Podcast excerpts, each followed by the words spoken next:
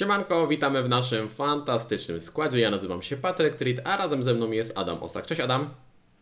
Cześć. W trakcie dzisiejszego nagrania przeanalizujemy najlepszych i najpopularniejszych zawodników przed drugą kolejką Fantazy Premier League, której deadline jest w piątek 18 sierpnia o godzinie 19.15. Adam, tytułem wstępu chciałem się zapytać, jak oceniasz ten start sezonu? U Ciebie w tym momencie 72 punkty. Oczywiście nagrywamy przed meczem e, Manchester United z Wolverhampton. Było wiele pytań, dlaczego nagrywamy teraz. No słuchajcie, problem polega na tym, że nie jesteśmy w stanie tak grać, zgrać swoich kalendarzy, aby złapać się we wtorek.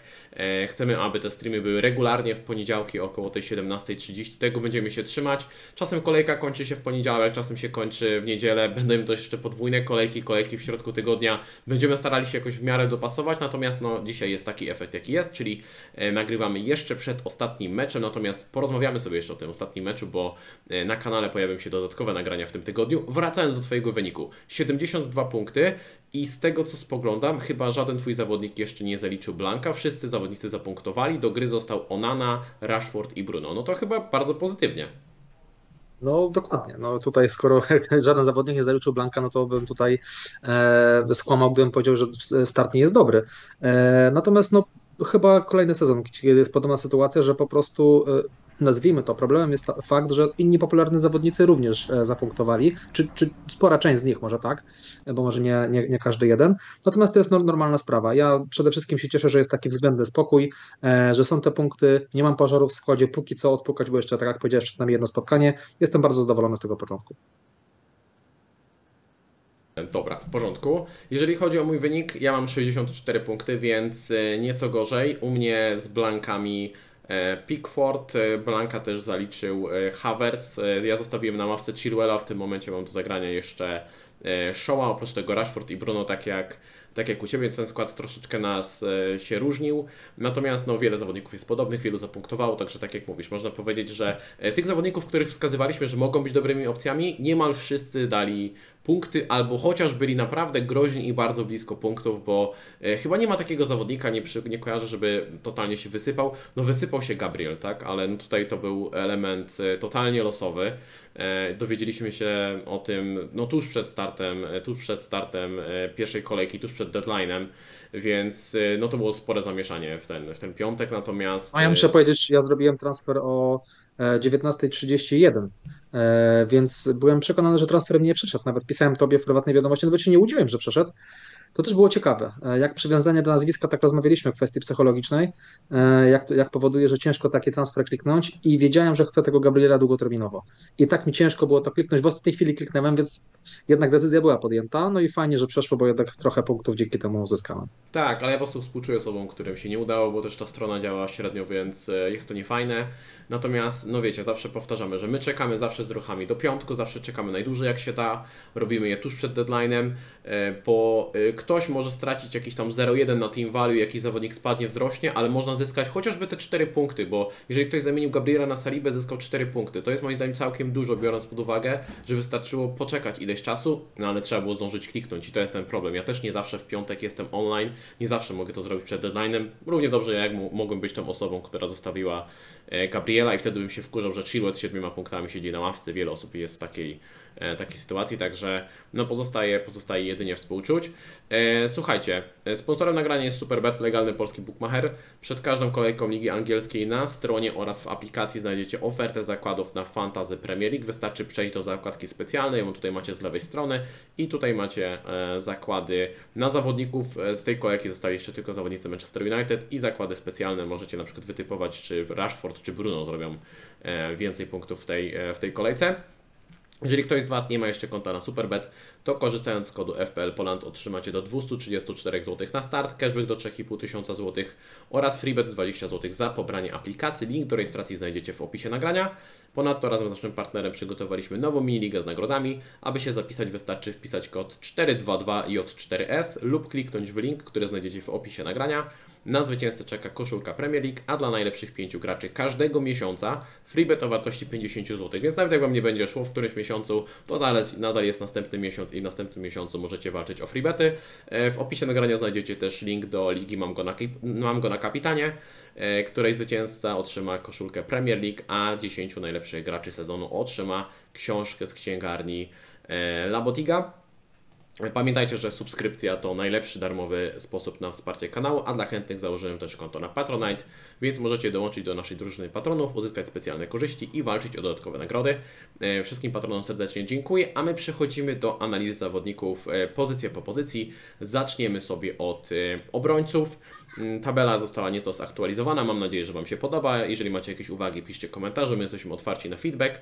W tabeli znajdziecie Nazwisko, klub, cenę, liczbę goli, asyst, czystych kąt, e, statystyki ofensywne zawodników, ale to są statystyki z poprzedniego sezonu, ponieważ w tym sezonie po jednym meczu moim zdaniem nie ma sensu sprawdzać tych statystyk, one są mocno zakłamane, zwłaszcza, że część zawodników na przykład strzeliła gola albo spalony, więc ciężko tutaj analizować statystyki po jednym meczu, E, stawiamy na analizę e, analizę e, statystyk z poprzedniego sezonu nadal, e, a także oczekiwane punkty w najbliższych czterech meczach i kalendarz. E, Wśród obrońców na liście mamy Trenta, Trippiera, Chilwella, Jamesa Shaw'a, Rubena, Guardiola, Salibę, Estupiniana, Henry'ego, Kesha, Botmana, Udogi i Baldoka. E, To na potrzeby osób, które nas słuchają w formie podcastowej, bo nasze nagrania są też w formie podcastowej. No i przechodzimy teraz do, do tych zawodników. Zaczniemy sobie od Trenta. Chciałem Cię zapytać, e, generalnie jak oceniasz e, postawę Liverpoolu w defensywie? Na razie zostańmy przy defensywie. W tym pierwszym meczu i potencjał Trenta na punkty. Powiem Ci, że myślałem, że ten trend trochę lepiej będzie wyglądał. E, Jakoś tak e, mecz się zaczął, m, bardziej ten Liverpool trochę naciskał, natomiast w obronie, tak jak mówisz, no, e, w, sytuacji, w momencie, kiedy Chelsea przyjęła tą inicjatywę e, i jednak przeważała w całości tego spotkania, no to widziałem, że w tej obronie Liverpool to tak e, średnio, jakby takie trochę przebłyski z poprzedniego sezonu, więc to mnie trochę uspokoiło w kontekście nieposiadania Trenta, chociaż wiem o tym, że e, Trent to jest zawodnik, który takie grube punkty może zrobić, ale akurat może nie na wyjeździe z Chelsea. Więc tutaj bardziej e, wiadomo te osoby, które startowały z Trentem, bardziej miały na myśli tę kolejkę numer dwa i myślę, że tutaj Trent na pewno będzie najlepszym obrońcą albo jednym z najlepszych obrońców e, w tej kolejce. Mm, Natomiast nie posiadając e, Trenta też jakby tutaj jakoś strasznie się tego nie boję i wiedziałem jaka jest sytuacja i, i nie planuję go kupić. No właśnie, trend wydaje mi się, że po prostu na, na, w tym momencie nie jest wart swojej ceny. Gdy ten kalendarz będzie troszkę lepszy, będzie e, zdecydowanie lepszą opcją. Mam też mam nadzieję, że ta pomoc się troszeczkę zgra, bo widać tam było e, jeszcze problemy. Spore odległości między zawodnikami, e, ten dystans między obroną a pomocą też był troszkę zbyt duży. No jest jeszcze sporo niedociągnięć. W Chelsea to samo. W Chelsea Słucham? było to samo, zresztą w Chelsea podobnie to wyglądało. Tak, ale wydaje mi się, że Chelsea ma troszeczkę lepiej poukładaną grę. Możemy tak zaraz przejść do tych obrońców Chelsea, ale wydaje mi się, że tam gra jest znacznie lepiej poukładana. E, W Liverpoolu jeszcze potrzeba mm, trochę czasu. E, Wszyscy mówią, że z dźwiękiem jest ok, ale dźwięk mam troszeczkę, e, głos mam przepity. Słuchajcie, obiecuję, że to jest karaoke. To jest tylko i wyłącznie kwestia e, karaoke. E, Naprawdę, naprawdę. e, Dziękuję wszystkim, którzy wpadli na zlot w Poznaniu swoją drogą, bo naprawdę rewelacyjnie. Jeżeli byliście, to, to na, pewno, na pewno nie żałujecie. E, tak, to tyle jeżeli chodzi o Trenta. Trzeba poczekać, jak się rozwinie sytuacja w Liverpoolu.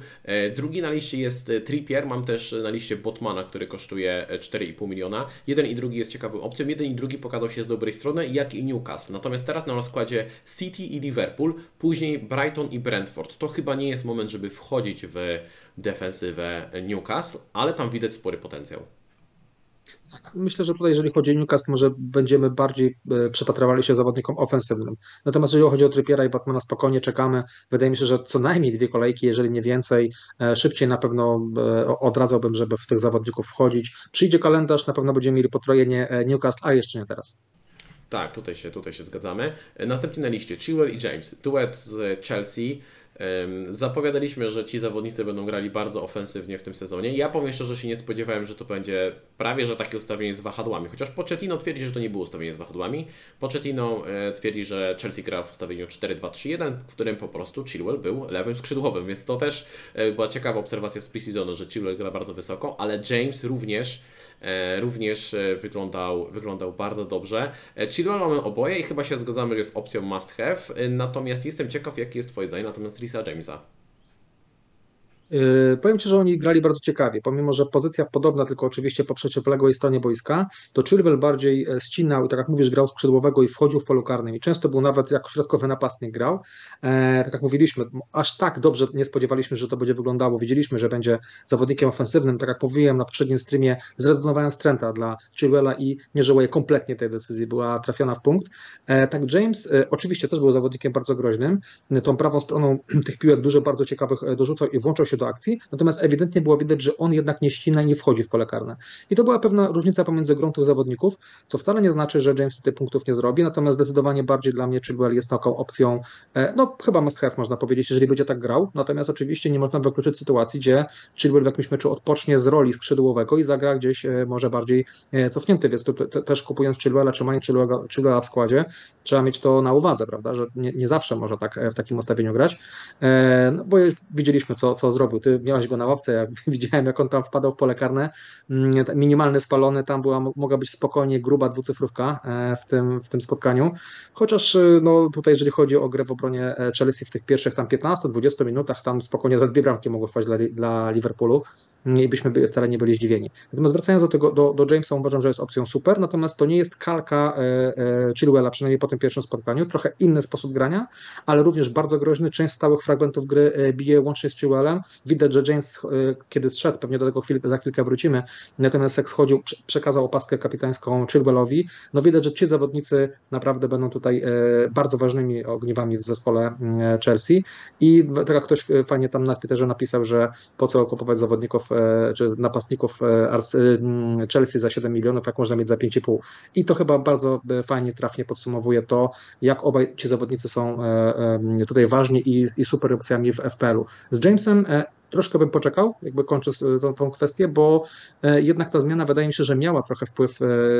Widziałem właśnie, że James pokazywał nogę, rozmawiał z drugim zawodnikiem, nie pamiętam z kim, ewidentnie coś tam go, coś poczuł, być może coś lekkiego, ale jednak i został zmieniony. I tutaj bym zalecał, zalecał ostrożność, jeżeli ktoś Jamesa nie ma, ja bym jeszcze spokojnie poczekał do tej kolejki trzeciej i tam ewentualnie taką decyzję podjął. Tak, Pochettino wspominał, że James ciężko pracował w okresie przygotowawczym e, i że po prostu odczuwał, odczuwał zmęczenie. Mam nadzieję, że to faktycznie jest tylko, tylko zmęczenie, e, bo jeżeli James jest zdrowy, no to jest naprawdę świetną opcją w fantazy. Chciałem Cię zapytać jeszcze jedną rzecz, bo dwie istotne informacje w kontekście Chelsea. Nie mamy w tabeli bramkarzy, bo zawsze o bramkarzach rozmawiamy przy okazji analizując obrońców. Robert Sanchez, który kosztuje 4,5 miliona, jest aktualnie podstawowym bramkarzem Chelsea. Kepa poszedł na wypożyczenie do Realu Madryt. E, no i Chelsea nawet jeżeli będzie szukać dodatkowego bramkarza, bo pewnie będą szukać dodatkowego bramkarza, no to pewnie nie jedynki. Pewnie nie po to kupili e, Sancheza za te 30 milionów bodaj, jeżeli się nie mylę, chociaż dla nich to są śrubki. E, nie po to chyba kupili bramkarza, żeby kupić teraz kolejnego, chociaż nigdy nie wiadomo. Zakładam, że będzie grał. Dodatkowo Colwill wydaje się, że ma pewne miejsce, bo jest lewonożnym obrońcą, który może zagrać zarówno jako lewy środkowy obrońca, jak i de facto lewy obrońca, bo można powiedzieć, że zagrał jako lewy obrońca, zagra przeciwko Salahowi i okej, okay, Salah kilka razy mu się urwał, ale mm, trochę nie podobały mi się komentarze w stylu, że na przykład wyglądał źle, bo Salah go ogrywał. No słuchajcie, Salah to ogrywa najlepszych lewych obrońców na świecie regularnie od 5-6 y, lat, więc moim zdaniem na tle tak mocnego rywala, jakim jest, przeciwnika, jakim jest Salah, wyglądał naprawdę ok, więc y, też jest ciekawą opcją za 4,5 miliona. No i do tego mamy zawodników ofensywnych. I tu moje pytanie do Ciebie, czy Ty spoglądasz w ogóle na Sancheza i Colwilla, czy wychodzisz z założenia, że kalendarz Chelsea jest tak dobry de facto od trzeciej do ósmej kolejki, że patrzysz tylko i wyłącznie na te najlepsze opcje, więc defensywy interesuje Cię tylko Chilwell i James plus zawodnik ofensywny. To jest bardzo dobre pytanie, bo faktycznie te nazwiska, które wymieniłeś, to są wszystko super opcje i z kogoś trzeba będzie zrezygnować, bo myślę, że od kolejki numer 3 e, no będziemy na pewno szli w Chelsea i, i te potrojenie może być taką optymalną tutaj, e, optymalnym rozwiązaniem. E, zaczynając od końca, najmniej interesuje mi Colwill. To jest jednak opcja za 4,5, która mm, oczywiście cena jest ok, natomiast ja nie spodziewam się niczego zbytnio za dużo z przodu z tego, od tego zawodnika. E, I mamy podobnych obrońców w innych zespołach też za 4,5, którzy też mogą coś dać z przodu, e, albo nawet dopłacając pół miliona mam już jakąś fajną e, opcję ofensywnie grającą chociażby Estepiniana.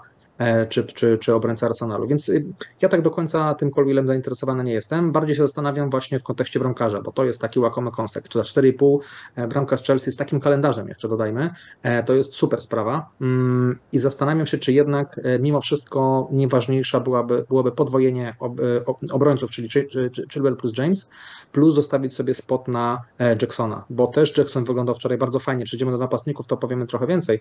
Mm, I tutaj obawiam, obawiam obawiam się, że tym Sanchezem mogę się zblokować. I e, pomimo, po, pomimo tego, że uważam, że jest najlepszą opcją za 4,5, jeżeli chodzi o bramkarzy, zdecydowanie i to się wyróżnia e, e, bez dwóch zdań, to jednak wydaje mi się, że te inne opcje są tutaj, tutaj lepsze. Tak, wydaje mi się, że to może być taka potencjalnie dużo utracona korzyść, jeżeli weźmiemy Sancheza.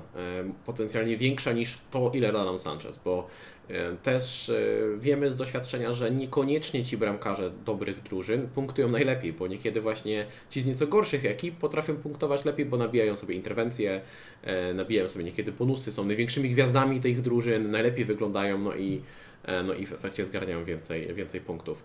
Natomiast e, Chilwell i James u mnie mocno na radarze. E, Powiedz mi, e, zapytam, czy uważasz, że jeżeli ktoś ma kontuzjowanego obrońcę albo nie ma Chilwella po prostu, czy, czy, czy kupno Chilwella to nie jest jeden z tych nielicznych transferów, które warto zrobić przed tą kolejką? Wydaje mi się, że tak. Chyba to jest jedyne nazwisko, które bym, e, bo pewnie do tego może też przejdziemy, o pytania o innych zawodników. To jest chyba jedyne nazwisko, na które bym wskoczył już teraz, nie zastanawiając się e, zbytnio, nie kalkulując. E, Pytanie za kogo? Bo to też zaraz do tego przejdziemy w kwestii, e, odpowiemy na tematy, czy tam pytania związane ewentualnie z, z kwestią Gabriela, co, co tutaj zrobić. Ale wydaje mi się, że Chilu jest tak super opcją, że chyba można teraz spokojnie wskoczyć i trzymamy go póki od, odpukać. Jeżeli tam e, nic mu się nie, nie, nie stanie, to raczej będzie w naszym składzie bardzo długo. Więc ja bym taki transfer, nie mając Chilwella, taki transfer bym w tej kolejce zrobił. Tak jak mówisz, chyba nie jeden z nielicznych, który bym tutaj polecał. Następnym na naszej liście jest e, Show, który jest oczywiście świetną opcją. Jeszcze nie oglądaliśmy meczu Manchester United, więc tutaj e, nie ma co się za bardzo rozwodzić. Ja tylko powiem, że mimo, że ten kalendarz jest troszeczkę w kratkę, bo teraz e, następny mecz w drugiej kolejce to będzie Tottenham, później Nottingham Forest, Arsenal i Brighton, to Show bardzo dobrze rotuje. Jeżeli ktoś z Was ma taki zestaw obrońców jak Chilwell, Shaw, Estupinian i obrońca Arsenalu, to oni się bardzo fajnie ze sobą rotują, więc to, że Shaw ma jedno czy drugie trudniejsze spotkanie, niekoniecznie oznacza, że jest, jest złą opcją. Chciałem przejść do Manchesteru City, bo tutaj było spore zamieszanie i trzeba troszeczkę o tych obrońcach porozmawiać. Po pierwsze, dowiedzieliśmy się e, dzień wcześniej, w nocy z czwartku na piątek, że Ruben e, miał problem uraz głowy, tam doszło do treningu, przez co przez 7 dni był, jest wykluczony z grania, no i przez to nie zagrał w pierwszej kolejce, natomiast e, na drugą kolejkę powinien być gotowy i to wydaje się najpewniejsza opcja z Manchesteru City.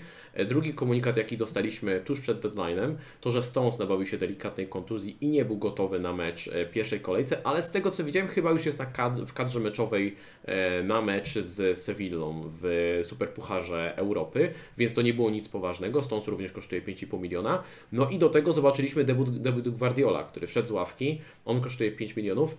I wydaje się, że to potencjalnie może być zawodnik, który będzie łapał regularne minuty. Jak sobie spojrzycie na oczekiwane punkty, on nadal jest bardzo nisko, z tego względu, że nadal jest duże ryzyko rotacji, ale mamy dużo tych opcji za e, 5 milionów. Jest Guardiol, Ake, który za chwilę może wrzucić, jest Akanji, który generalnie gra dosyć regularnie. Można powiedzieć, że najregularniej z tych opcji za 5 milionów.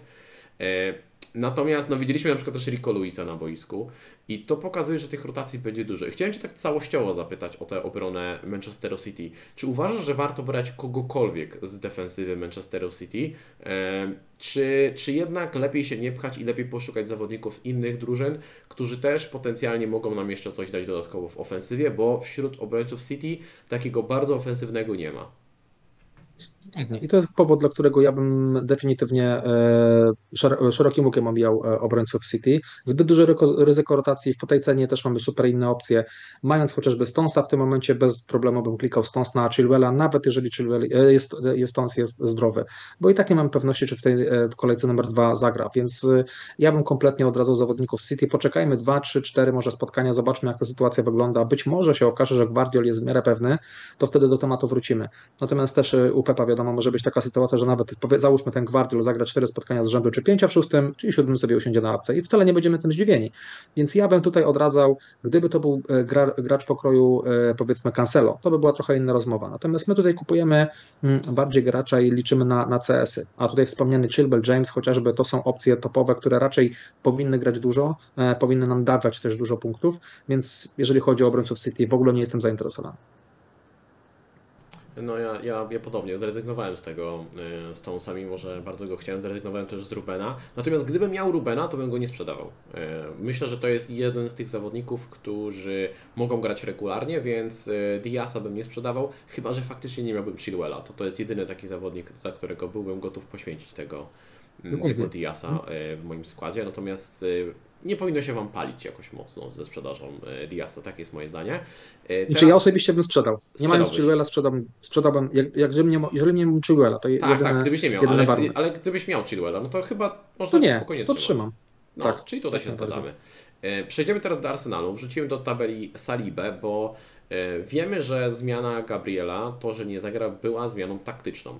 Co jest ekstremalnie zaskakujące, bo to nie jest troszkę zaskakujące, to jest ekstremalnie zaskakujące, biorąc pod uwagę, że Gabriel rozegrał 38 na 38 spotkań w poprzednim sezonie i właśnie dlatego od e, dwóch miesięcy był przez nas tutaj polecany jako najlepsza opcja z Arsenalu, po czym 3 minuty przed deadline'em czytamy, że on nie będzie w wyjściowej 11 Arsenalu. E, Taka poszła, poszła informacja, więc e, to było szokujące, e, ale ja, moim zdaniem to nie skreśla Gabriela jako opcji. E, Z tego względu, że dowiedzieliśmy się e, dzisiaj, jeszcze nie mam potwierdzenia, ale wszystko wskazuje na to, że kontuzja Timbera będzie poważna. E, To jest oczywiście zła informacja dla całego Arsenalu, dla Artety, ale to też jest szansa na dodatkowe minuty dla pozostałych obrońców Arsenalu. I nie wydaje mi się, abyśmy często zobaczyli taką sytuację, w której Gabriel siedzi na ławce. Niemniej, gdybym teraz miał wybrać jednego obrońcę Arsenalu, to wybrałbym Salibę, bo widać, że dla Artety jest tym jakby pięterką ważniejszym zawodnikiem, więc pomimo tego, że Gabriel ma większe zagrożenie stwarza przy stałych fragmentach, to postawiłbym e, na Salibę w tym momencie. E, Powiedz mi, co byś robił, gdybyś miał Gabriela w swoim składzie? Trzymałbym. Wydaje mi się, że w następnym spotkaniu musi zagrać. Powiem Ci, prędzej e, przewidywałbym już ławkę Saliby niż Gabriela. Tak mi się wydaje. W Że sensie, tutaj... że przed sezonem, a czy w kontekście następnych kolejek?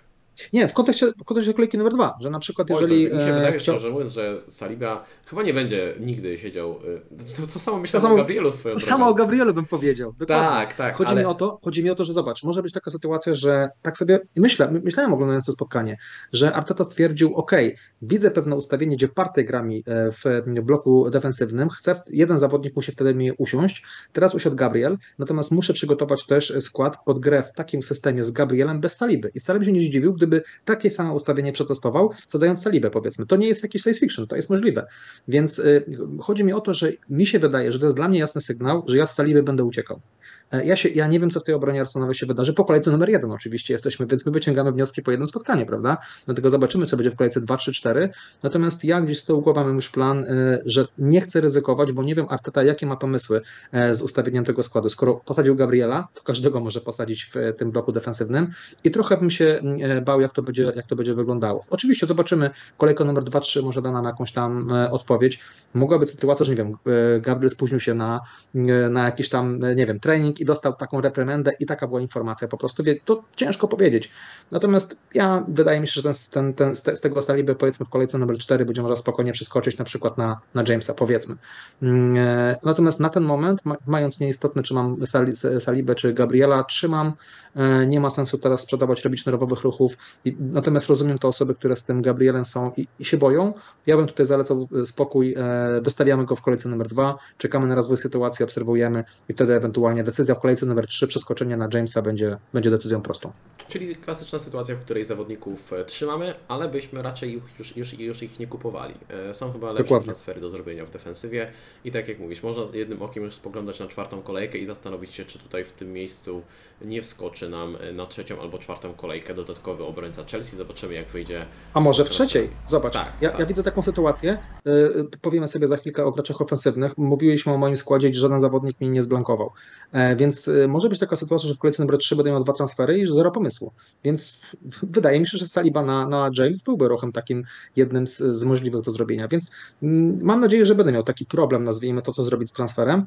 E, Wiadomo, że jest pewne ryzyko, że się skład popsuje. Natomiast ja, tak jak mówię, chyba z tych obrońców Arsenalu bym się wycofywał. E, Natomiast, tak jak mówisz klasycznie, e, czekamy, nie kupujemy, nie sprzedajemy jeszcze teraz. Zobaczymy w kolejce numer 3-4. W porządku. E, Estupinian jest e, jak nadal bardzo ofensywny. Tutaj żadne zaskoczenie. Nie wiem, czy trzeba cokolwiek dodawać na temat Estupiniana. Może moja jedyna uwaga jest taka, że jeżeli ktoś nie zaczął sezonu z Estupinianem, to chyba bym go też nie kupił. Wydaje mi się, że teraz są dwa dobre mecze, a później kalendarz robi się dużo trudniejszy. Nie wiem, czy nie wolałbym poustawiać tą defensywę w taki sposób, żeby mieć w niej innych zawodników, e, a nie Estupiniana w tym, e, w tym momencie. Jak Ty się na to zapatrujesz? Jakbyś nie miał Estupiniana, to jeszcze byś go brał teraz? Wiesz co, powiem Ci, że ten Stupinian mi się bardzo podobał e, w tym spotkaniu. Grał bardzo ofensywny. To znowu taki case trochę Chilwella, może nie aż tak, może nie grał jako skrzydłowy, ale naprawdę bardzo często się włączał bardzo wysoko. E, I to są tacy zawodnicy, których ja lubię w, obronie, bo nie liczymy tylko na CS-y. CS są pewnym dodatkiem. E, to jest gracz, który zawsze może dać coś z przodu asystę gola i, i to Stupiniana widzę. Natomiast faktycznie druga kwestia jest kalendarz, więc to jest też klasyczna sytuacja, czy bardziej patrzymy na formę, czy na fiksy. I tutaj obie strony jakby zawsze mają swoje argumenty. Czy bym go brał? Nie wiem. Ja generalnie chyba oprócz tego Chilwella w tej kolejce nikogo bym nie brał i bym sobie czekał. E, natomiast ja nie wykluczam sytuacji, z której Estepinianem sobie siedzę nawet przez ciężki kalendarz. Bardzo mi się postaw w tej pierwszej kolejce spodobał. E, oczywiście przeciwnik był w miarę prosty, więc to też trzeba mieć z tyłu głowy. Więc idealna sytuacja w kolejce numer 2, 3 obserwujemy sobie Estepiniana i podejmujemy decyzję później, czy go sprzedajemy na trudne fiksy, czy jednak warto z nim, e, z nim zostać. Więc w idealnej jesteśmy sytuacji, gdzie możemy jako, jako osoby, które mają tego Estepiniana usiąść i po prostu czekać. Gdybym go nie miał, to bym po prostu też na pewno poczekał w kolejce numer 2 i przy tym ciężkim kalendarzu, tak jak mówisz, no tutaj dwa razy mi się zastanawiał, czy warto go teraz rzucić, czy nie jednak jakieś lepsze, lepsze opcje się nie pojawią. No teraz na pewno bym czekał. Tutaj wydaje mi się, że taki ruch, zakup Stepiniera już w tym momencie e, lepiej chyba jednak poczekać i, i zobaczyć na rozwój sytuacji.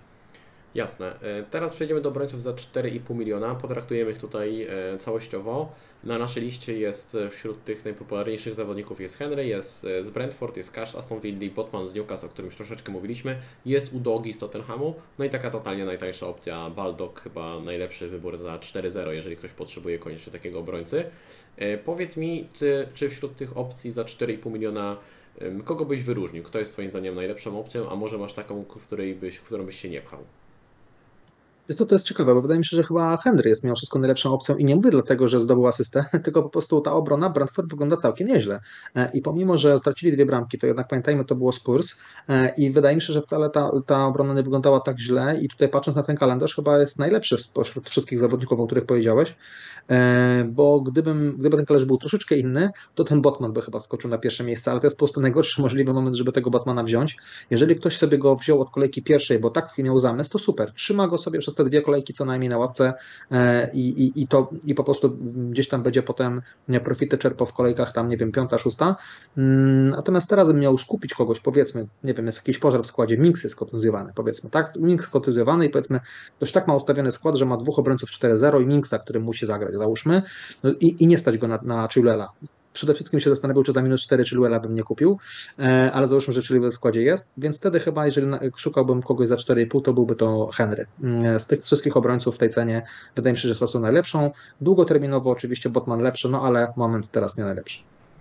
E, tak, ja się zgadzam. Henry jest super, super opcją. E, nie ryzykowałbym w tym momencie z Martin Cashem. Nie do końca mnie przekonuje i widziałem, że dosyć sporo krytyki zebrał od, od różnych osób. Zobaczymy, jaka tam będzie sytuacja. Henry, rewelacyjna opcja. Co jest plus Henry'ego? Bo zwracałem to uwagę ostatnio, więc muszę tutaj się uderzyć w pierś, bo obawiałem się, że Hiki będzie czasem grywał na lewej stronie. E, w, w meczu wczorajszym e, Hiki zagrał z prawej strony, aczkolwiek to było ustawienie z wahadłami, więc możliwe, że tam będą jakieś drobne rotacje, no ale Henry wydaje się najpewniejszym, najlepszym wyborem z tej defensywy Brentford, więc E, zdecydowanie by w niego wszedł, przy, przy, tym, przy tym kalendarzu.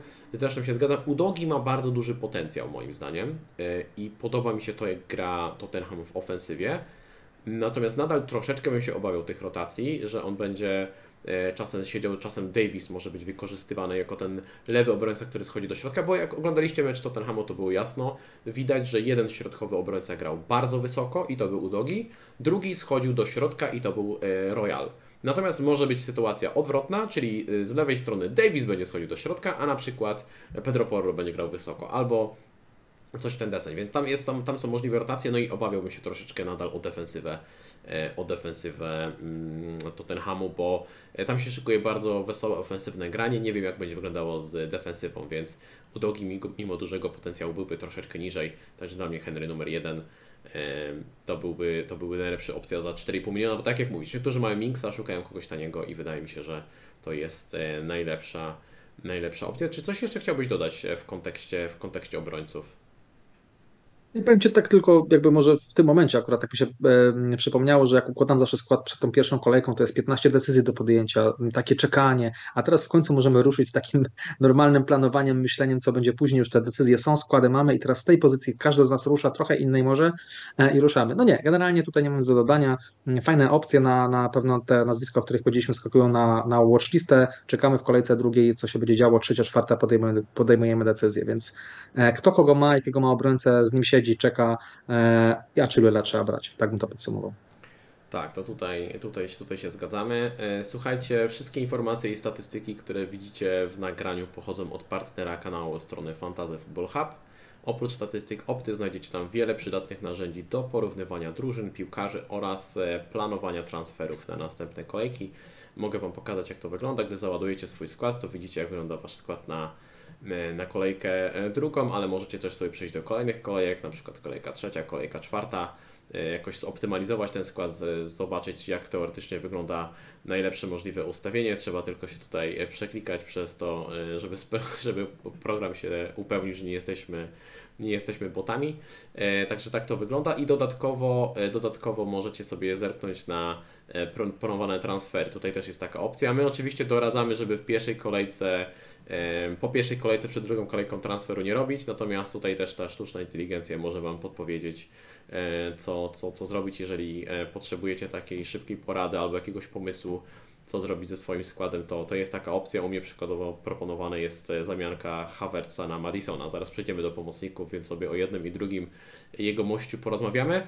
Aktualnie możecie skorzystać ze specjalnej promocji, zakładając konto z moim linkiem, który znajdziecie w opisie nagrania, dostaniecie 50% zniżki, a jeżeli na koniec sezonu nie wygracie swojej mini-ligi, to otrzymacie zwrot zapłaconych środków. Wystarczy spełnić kilka prostych warunków, które znajdziecie w regulaminie, a my przechodzimy sobie do pomocników.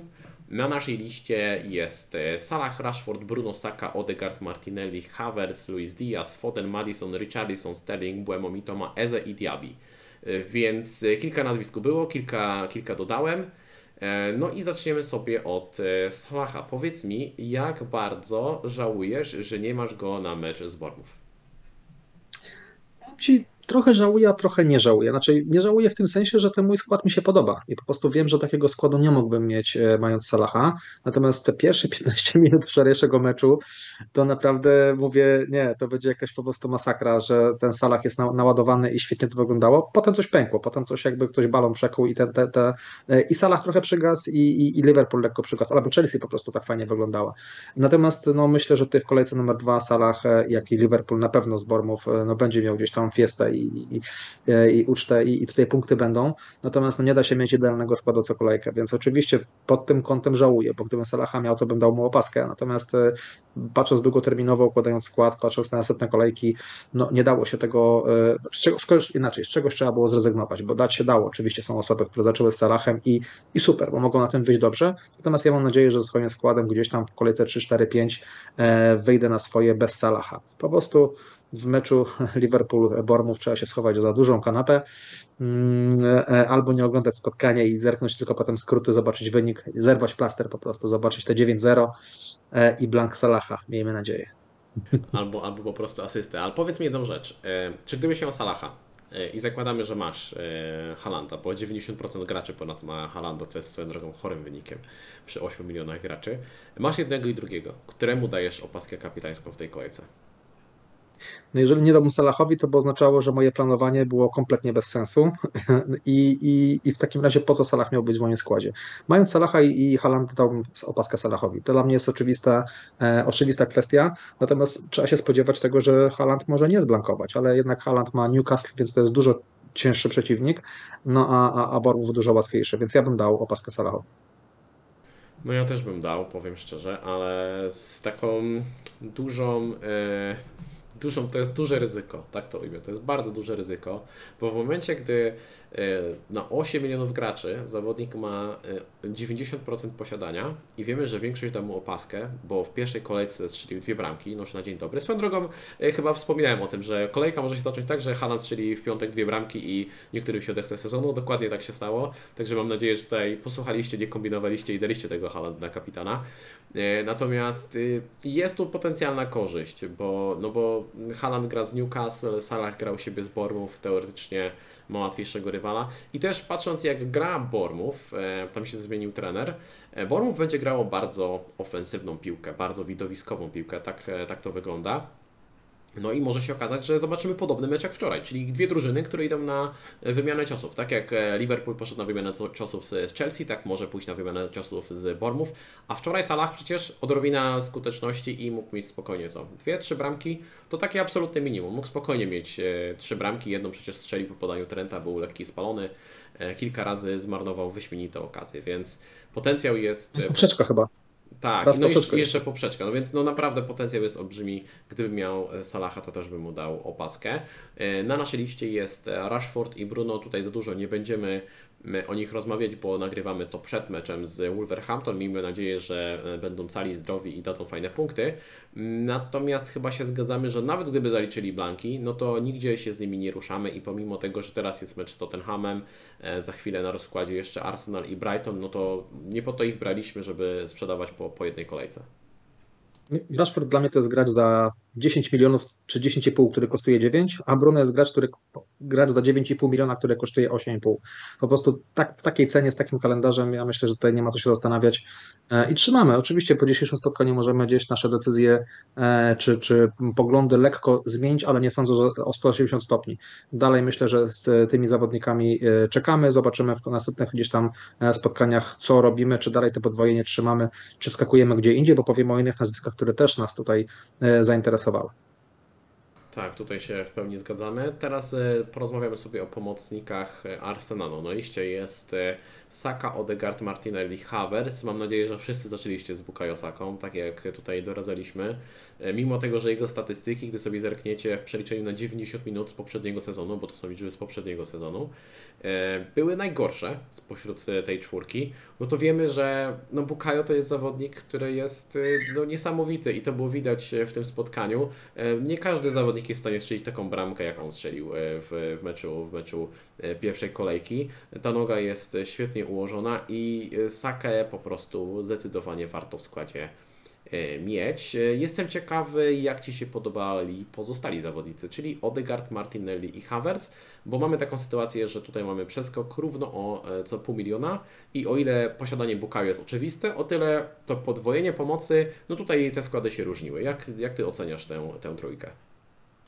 Właśnie oglądałem ten mecz y, i to taki był fajny pierwszy mecz y, sobotni, gdzie oglądałem właśnie typowo przez pryzmat y, tych pomocników, żeby zobaczyć, jak ta sytuacja wygląda. E, nawiążę tylko do ceny, do Saki, że znowu dla mnie to jest zawodnik, który w przyszłym sezonie będzie kosztował 9,5-10 milionów. E, jestem o tym przekonany, więc mamy tutaj naprawdę w promocji tego zawodnika. Jeżeli ktoś go nie ma, to po prostu trzeba go, e, trzeba go wziąć typowo lider. Więc ja bym tutaj o Sace o tyle nie mówił, że dla mnie to jest bezdyskusyjna opcja, którą trzeba mieć. Natomiast te trzy kolejne nazwiska to jest bardzo ciekawa kwestia, jak grali, jak wyglądali, jak wyglądała jej gra. I tak powiedzmy w tej kolejności, jak tu mamy Odegarda, mm, tak się spodziewaliśmy. On gra nieco głębiej, nie włącza się aż tak inaczej, nie, nie wchodzi tak głęboko w pole karne, natomiast on podobnie grał w zeszłym sezonie. Potrafi oddać strzał za pola karnego, potrafi świetnie piłkę dograć, więc z tego płyną jego, jego punkty i uważam, że opcja bardzo fajna, natomiast w mojej ocenie z całej trójki po tym pierwszym spotkaniu e, najmniej obywają się Odegarda. E, paradoksalnie, bo zaraz przejdziemy do Hawerca, który może jako posiadacz może nie będziesz miał obiektywnego, obiektywnego zdania, natomiast ja bardziej bawię się Hawerca niż Odegarda w tym spotkaniu.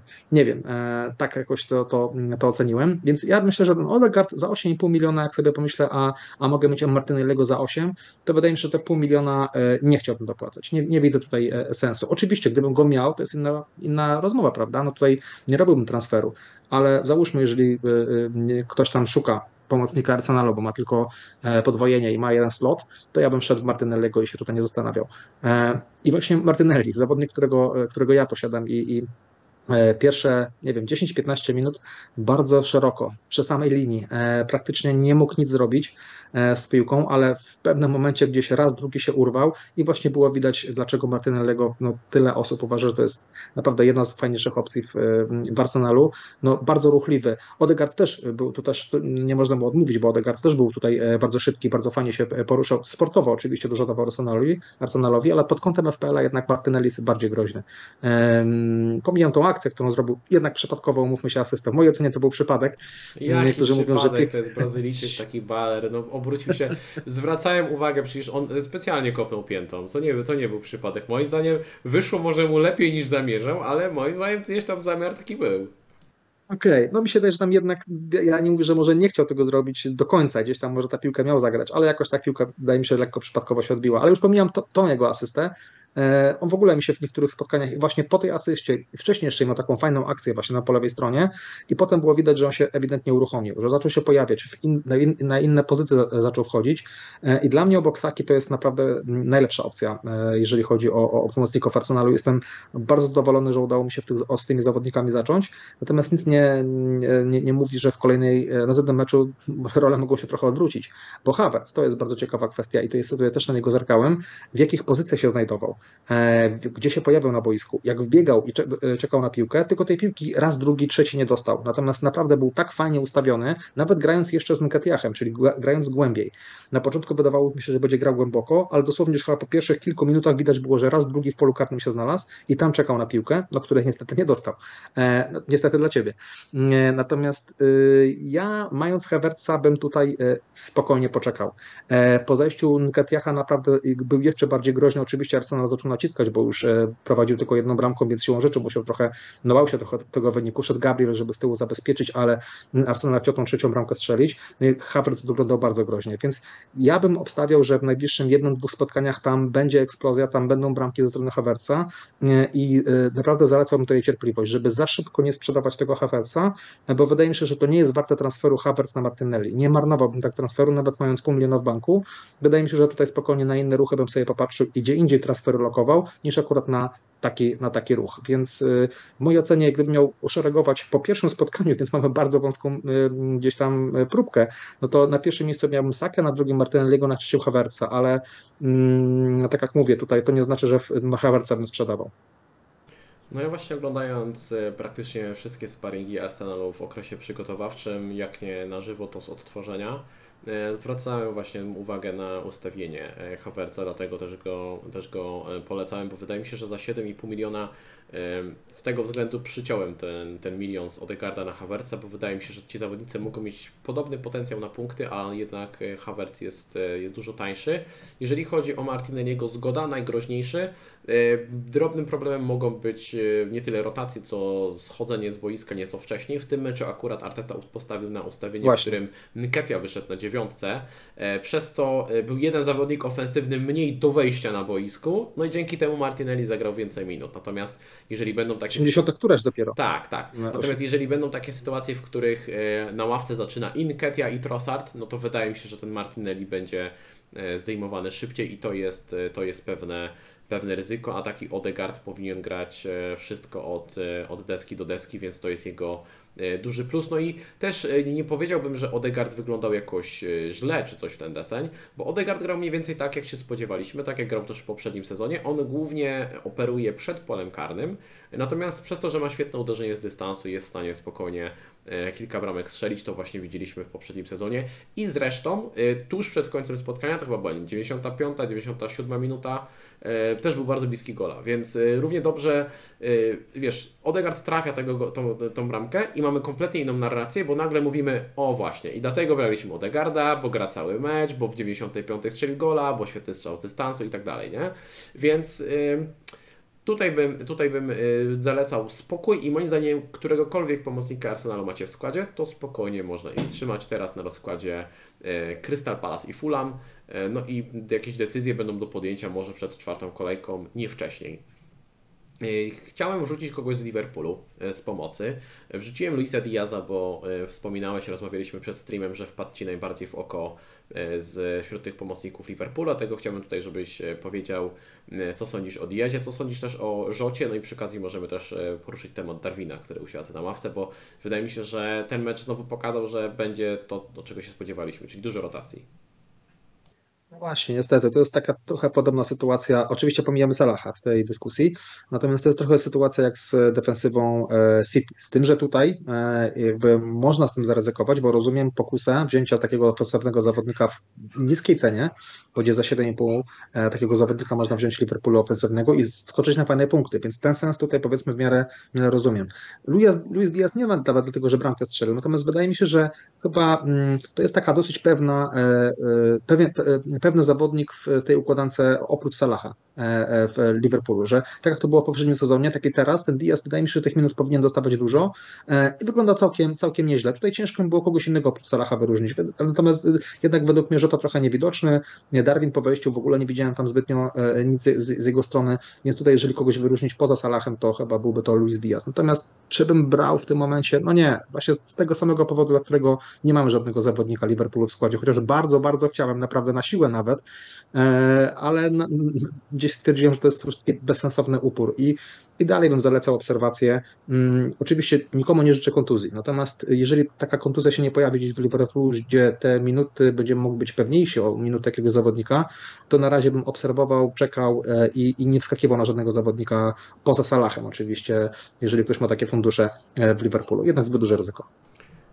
Ale chyba zgadzamy się, że mimo wszystko, jeżeli chodzi o pomocników Liverpoolu, to jest taka sytuacja, w której jeżeli macie kogoś, już zaryzykowaliście z zawodnikiem Liverpoolu, no to na ten mecz z Bournemouth trzeba poczekać i tego zawodnika Jasne. zostawić.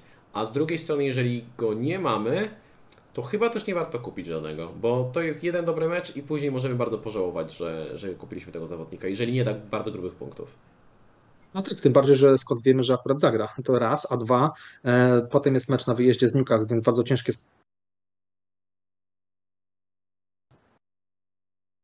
minut. Mamy zbyt dużo fajnych opcji, o których przed chwilą mówiliśmy, które są relatywnie tanie, żeby ryzykować z graczami typu e, Luis Diaz powiedzmy, czy, czy, czy Diego Jota. Tak mi się jednak wydaje, że tutaj mamy e, opcje w Manchesterze czy, czy w Arsenalu, które na ten moment no, ciężko zrezygnować. Mamy nawet Havertza, tak jak powiedziałeś, za 7,5, który dostanie bardzo dużo minut. E, to nie ma wielkiego, tak, tak wielkiego ryzyka jak w przypadku na przykład Diaza, czy może nie Diaza, bardziej Darwina, czy powiedzmy Diego Joty. Więc ja bym tutaj raczej w to nie wchodził, poczekał, zobaczymy jak się ta sytuacja rozwinie. Jasne, zgadzamy się. I chcę, chciałem jeszcze porozmawiać na temat e, Fodena, bo wydaje mi się, że to jest podobna sytuacja jak e, z Diazem. E, zagrał cały mecz praktycznie. Był bardzo groźny, dochodzi do wielu sytuacji.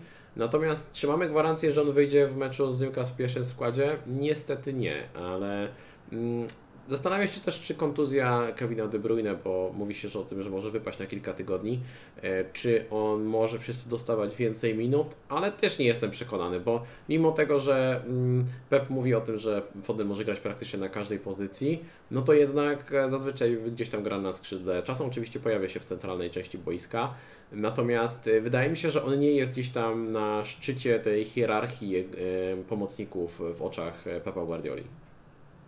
No ja też tutaj się bym bał. Tak jak mówię, też bardzo chciałem z Fodenem zacząć. Właśnie obok tego e, ofensywnego zawodnika Liverpoolu właśnie Foden gdzieś mnie po głowie chodził e, z tych takich powiedzmy ryzykownych opcji. E, natomiast stwierdziłem, no po co? Pamiętajmy, punkty, nie wiem, 5 punktów Fodena waży tyle samo, co 5 punktów Martinellego.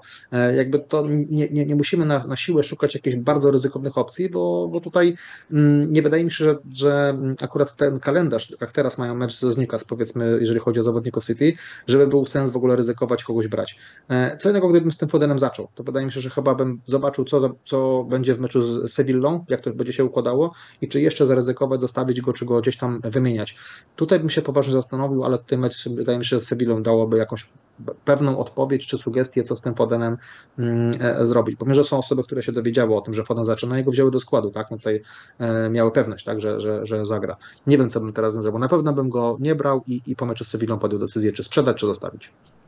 W porządku. E, tutaj, się, tutaj się zgadzamy. Chyba są lepsze opcje w tej cenie. Natomiast jeżeli ktoś go wziął, to w zasadzie nic takiego się nie wydarzyło, co miałoby zmienić zdanie na temat e, Fodena, więc też nie ma co go panicznie sprzedawać. Jeżeli ktoś go wziął z myślą, ok, biorę go na cztery kolejki, bo jest e, trzech słabych rywali, zaryzykuję, to myślę, że można się tego założenia cały czas trzymać. W pierwszym meczu te grube punkty się nie wylosowały, a mogły, bo miał dużo okazji może się okazać, że w meczu z Newcastle, Sheffield albo z Fulham zrobili naprawdę grube punkty, więc y, ja rozumiem, że ktoś chciał spróbować, mnie też to kusiło i w zasadzie ta pierwsza kolejka nic nie zmieniła y, w kontekście mojej oceny y, Fodera. Natomiast chciałem poważnie sobie porozmawiać z Tobą o opcjach z Tottenhamu, bo tutaj mamy bardzo ciekawą sytuację. Madison, który kosztuje 7,5 miliona, zrobił dwie asysty. Y, Richarlison jest tańszy, kosztuje 7 milionów, natomiast no, odszedł Kane, odszedł Kane, którego e, będziemy żałować, że nie będziemy oglądać go w lidze i w tym momencie Richarlison jest tak naprawdę pierwszym środkowym napastnikiem e, Tottenhamu. Ma rozkładzie w drugiej kolejce mecz z United, więc to nie będzie łatwe spotkanie. E, Czy sądzisz, że to już jest moment, żeby brać któregoś z zawodników Tottenhamu? Jak oceniasz Madisona, jak oceniasz Richarlisona? E, Czy gdybyś na przykład miał Richarlisona, to byś go zamienił na Madisona? Jak Ty się zapatrujesz na tę opcję Tottenhamu? To jest bardzo, bardzo ciekawe z Richarlisonem, bo jeszcze w presezonie mówiliśmy, że jak Ken odejdzie, to bankowo Richarlison jest must have i musi być w naszych składach. I to jest fajny, jaki proces myślowy się gdzieś tam e, zadział, że jednak doszliśmy do wniosku, że lepiej trzymać tego Mbuemo na przykład, który kosztuje 6,5, jest trochę tańszy, niż iść w Richarlisona. I wydaje mi się, że to jest słuszna decyzja. Ten Richarlison jakoś mnie mocno nie przekonał. E, Poza tym są, chodzą słuchy, że mm, czego można było się spodziewać, że Sper chce kupić napastnika, chyba z Lukaku teraz e, rozmawiają. Dla mnie to jest bardzo logiczny wybór i pewnie jakiegoś napastnika sprowadzą, więc e, Richarlisona bym teraz e, na pewno nie wchodził i jeszcze przed meczem z United, natomiast mając go w składzie chyba bym trzymał. No jeszcze tego napastnika w tym e, Tottenhamie nie ma, więc raczej tego ryzyka, żeby usiadł na ławce mm, też nie ma, ale gdzieś miał z tyłu głowy plan, na kogo go podmienię. Taka podmianka Richarlison-Madison przed meczem z United nie wiem, czy ma większy sens, e, czy jednak dru- dwa transfery darmowe przed kolejką trzecią nie byłyby lepsze. Ja bym chyba tu jednak wszystko, mimo wszystko się wstrzymał, chociaż Madison jest opcją super. I to jest właśnie zawodnik, którego żałuję, że nie mam w składzie. E, Rozmawialiśmy też o tym, że to była taka opcja logiczna. Jeżeli nie Foden, jeżeli nie gracz Liverpoolu za 7,5, no to wychodzi na Madisona. To jest opcja super, gdzie będzie grał e, 90 minut, będzie miał stałe fragmenty mm, i, i to jest taki zawodnik, który wiadomo było, że w tym Spurs powinien przynajmniej fajnie się wkomponować, no i szkoda, że tego Kane'a nie ma, bo wydaje mi się, że Madison byłby jeszcze e, lepszą wtedy opcją. I to, Madison to jest zawodnik z pomocy, który wędruje na sam szczyt mojej watchlisty. To jest zawodnik, którego będę chciał bardzo szybko do składu wrzucić. E, I tutaj nie ukrywam, że jak rozmawialiśmy sobie o pomocnikach e, Arsenalu, których będziemy chcieli mieć długo, trochę mi uzmysłowiłeś, dlaczego długo. E, Że być może w kolejce którejś tam czwartej, piątej będziemy z jednego mogli gdzieś zejść. I nie wiem, czy właśnie taki ruch gdzieś też po głowie mi krąży, żeby z Martinelliego wskoczyć na, na Madisona. Bardzo mi się Madison podoba. E, Wydaje mi się, że to jest taka opcja, którą można kupić i trzymać naprawdę przez długi okres czasu e, w, w naszych składach, e, nawet nie patrząc na, na przeciwnika. Natomiast szczęście, nie, nie wiem jak to nazwać, ale mecz z Manchesterem teraz powoduje, że chyba wskakiwanie na, na Madisona w tym momencie jest nieuzasadnione. Można poczekać i przed meczem z Bormów na przykład na bardzo fajny kalendarz tutaj wydaje mi się, że taki ruch obok zawodnika Chelsea to będą bardzo popularne ruchy właśnie kupno, kupno Madisona. Dla mnie to jest jedna z dwóch, trzech opcji po tej kolejce, którą wiem, że bardzo, bardzo będę chciał, tylko z tyłu głowy kogo sprzedać. I to będzie bardzo ciekawe. Natomiast myślę, że po kolejce drugiej dużo rzeczy się pozmienia i wydaje mi się, że może gdzieś tam się coś takiego pojawić. U Ciebie mogło się, może się okazać, że Havertz czy nie będzie Ci się podobał. U mnie Martinelli zejdzie w 50 minucie i już się pojawi opcja, żeby Madisona kupić. Więc spokojnie ja tutaj czekam, że tak powiem, tylko patrzę, w którym miejscu mi się skład popsuje i tam wejdzie, e, wejdzie Madison. No bo znając życie, to nie będzie tak pięknie, że e, co kolejkę zawodnicy będą mi e, punktowali. Madison bardzo, bardzo mi się podoba i, i tak jak mówię, opcja super. Wydaje mi się, że tutaj powinniśmy o takim zakupie pomyśleć bardzo szybko. Generalnie się zgadzam, natomiast mnie nadal bardzo kusi Richarlison.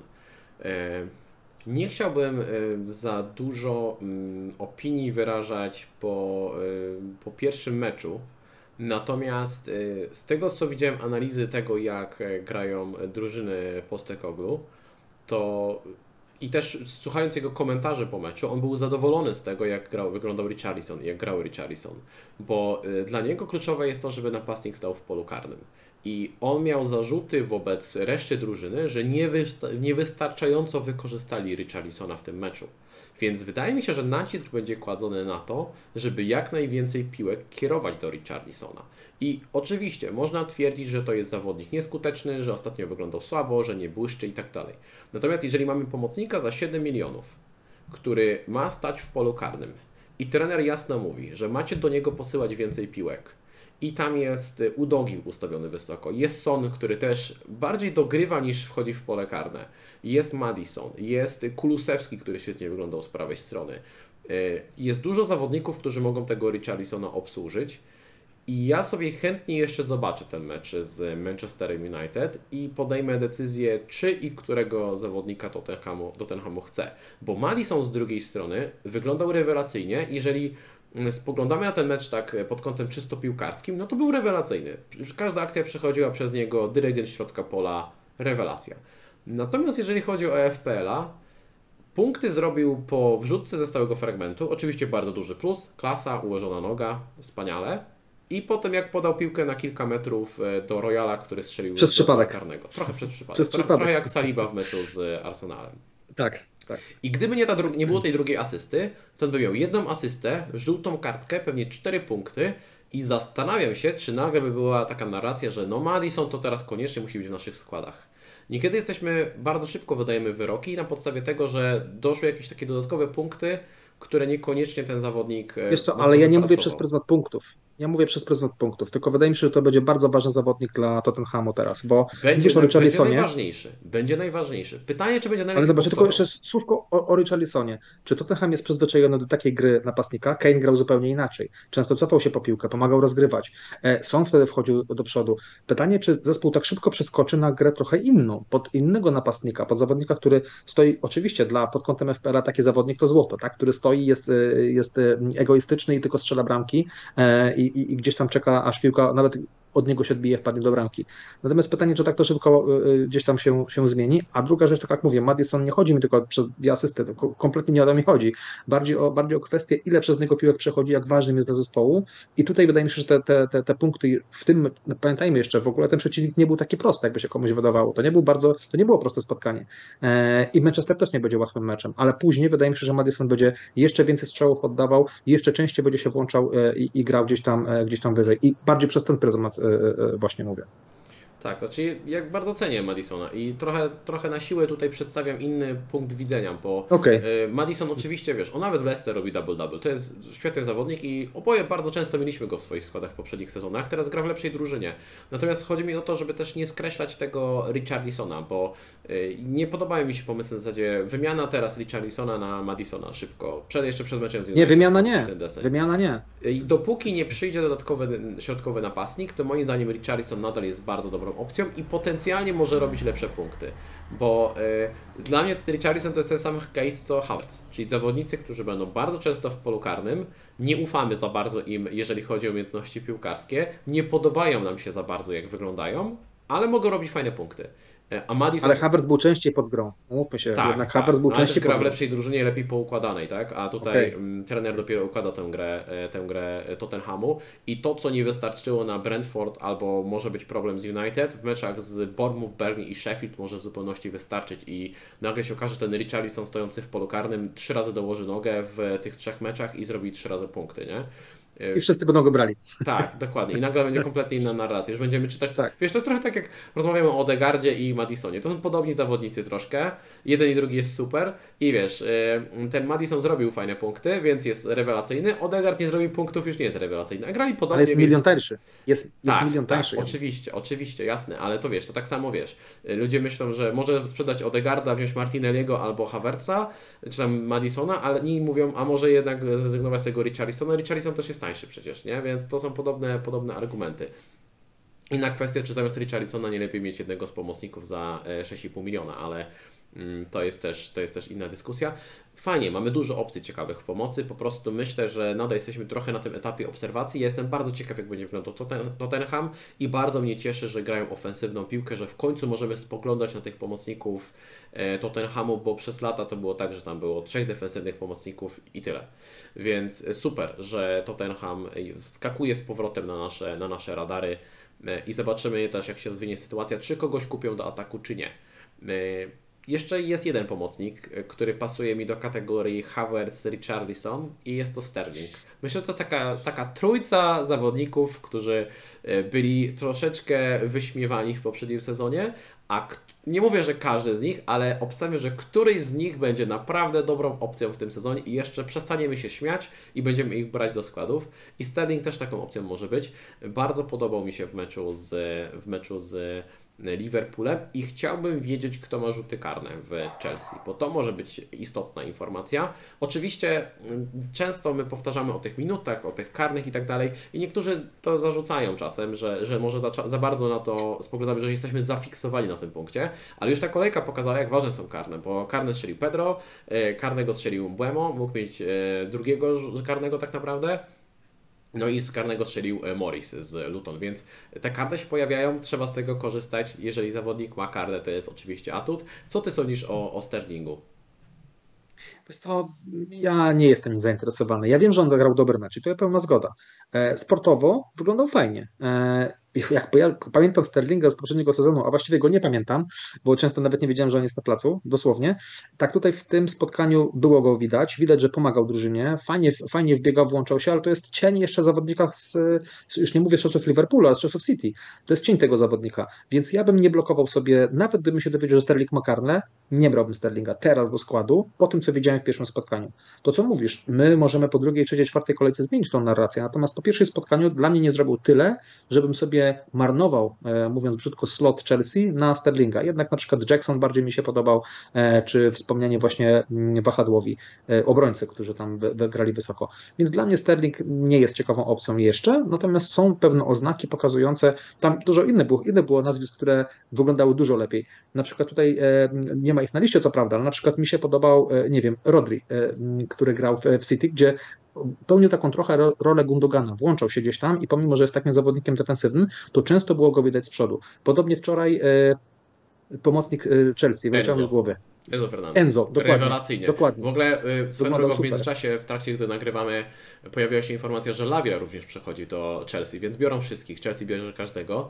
I o tym Enzo też chciałem wspomnieć, bo Enzo kosztuje 5 milionów i jeżeli mhm. on będzie grał jako dziesiątka, jeżeli to będzie ustawienie Caicedo, Lavia, Enzo, to po tym, co on pokazał w tym meczu i patrząc, jakim zawodnikiem jest e, Jackson, który często podchodzi pod grę, dużo pracuje, zostawia wolne przestrzenie, może się okazać, że my będziemy mieli z Chelsea e, Chilwella 5,5, Enzo 5,0 i Jamesa 5,5, bo to będą najbardziej ofensywni i najczęściej pojawiający się w polu karnym zawodnicy. Bo już w, tym, poprzednim meczu było widać z Liverpoolem, jak często on wykonywał sprinty w pole karne, więc Enzo też jak najbardziej do obserwacji. Ja bym, tylko ja bym zachęcał, żeby poczekać, poobserwować, bo to może być sytuacja, jak dużo osób kupowało Szakę w pewnym momencie, Kantego kupowali, e, bo to może być taka sytuacja, że to był w tym meczu, tak, tak gdzieś zagrał, zagrał bardzo, dla mnie chyba najlepszy zawodnik wczorajszego meczu pod kątem sportowym, nie mówię pod kątem FPL-a, ale pod kątem FPL-a też zacząłem myśleć, kurde, chciałbym mieć takiego gracza, bo widzę, że tutaj śmierdzi punktami. Mm, natomiast tutaj wiadomo, że trzeba tutaj poczekać, zobaczyć, jak to będzie wyglądało. Sterling, mm, tak jak mówię, mnie zachwycił, mówiąc krótko, i ja jeszcze muszę zobaczyć więcej z jego, e, mm, w jego grze, żeby gdzieś go w ogóle gdzieś tam rozwalić. Spoko, rozumiem. Ja też Chelsea obserwuję Sterling, to nie jest gość, którego brałbym w ciemno, bo obawiałbym się, że sobie zblokuje slot Chelsea. Możemy mieć tylko trzech zawodników, a na, na dziś najbliżej mi to podwojenia w defensywie e, Chilwell plus James plus e, prawdopodobnie Jackson, o którym też jeszcze porozmawiamy. E, ale Sterling zdecydowanie do obserwacji. No i mamy teraz półkę pomocników za 6,5 miliona. Jest Mbemo, jest Mitoma, jest Eze, jest Diaby. Chciałem o nich porozmawiać. Generalnie moja refleksja jest taka, że w sumie pomoc w stylu, nikt pewnie nikt takiej nie ma, ale pomoc w stylu Salah plus ta czwórka to jest naprawdę bardzo mocna pomoc e, i mamy tak właśnie duży wybór i można tak różnie skonstruować tę pomoc. Naprawdę jest w czym wybierać i wydaje mi się, że przez to, że ceny zawodników e, z pomocy są w tym sezonie tak atrakcyjne, to nie będziemy trzymać zbyt długo zawodników e, przez wiele, wiele kolejek, tak jak to było w przeszłości. Nie wiem, Rafinha kosztował 5,5 miliona, był zdecydowanie za tani, trzymaliśmy go cały sezon, czy tam większość sezonu. Teraz jest tylu zawodników w dobrych cenach, że chyba będziemy przeskakiwać typowo pod e, fiksy. I e, jestem ciekaw, kto Twoim zdaniem w perspektywie najbliższych czterech kolejek, tutaj mamy je rozpisane na grafice, jest najlepszą opcją za, za 6,5. No i żebyś powiedział o parę zdań, o, po jednym zdaniu po każdym, o każdym z tych pomocników. No teraz z całej czwórki, e, cała czwórka mi się podobało. Za chwilkę o każdym zdaniu o każdym, e, po jednym zdaniu o każdym. Natomiast na ten moment z całej czwórki, e, patrząc na kalendarz, i na kwestie karnych. To są dwa elementy, które powodują, że oczywistym wyborem jest Mbłemo. I nie dlatego, że tego karnego strzelił, natomiast z drugiej strony, no właśnie, ma te karne, więc go dostał i go strzelił. To jest ten plus. E, wiadomo, że nieco, nieco kolejkę karnego będzie dostawał, natomiast patrząc na kalendarz, patrząc na to, że Bradford jest drużyną dobrą, i Mbłemo gra wysoko, wydaje mi się, że z tą opcją jest całe czwórki najlepszą. Co nie znaczy, że te trzy inne nazwiska są dużo słabsze. Te różnice są niewielkie, natomiast właśnie fiksy i karne powodują, że e, byłbym akurat właśnie za Zambuemo, żeby go w tym składzie trzymać do kolejki piątej i wtedy ewentualnie zastanowić się, czy która z innych opcji nie jest lepsza. E, gdybym miał tak po kolei mówić, e, to znowu patrząc na kalendarz, nie wiem, czy mi Toma, czy Eze, bo jest, ja byłem przeciwnikiem, to może złe słowo, ale nigdy ten Eze jakoś nie byłem, nie miałem z nim po drodze. Jakoś dla mnie drużyna Crystal Palace to jest średnia. Mówiłem ci, że Eze będzie to opcja, to jest na... Widziałeś pewnie, okay. widziałeś pewnie highlighty, co z tego meczu? Tak, Dokładnie. I przyglądałem się Eza. Eza mi się bardzo podobał, bardzo. I to jest właśnie typowe nazwisko, na które nikt nie zwrócił uwagi, może jeszcze, czy dużo osób nie zwrócił uwagi, bo nie zdobył punktów, natomiast tam było bardzo blisko punktów.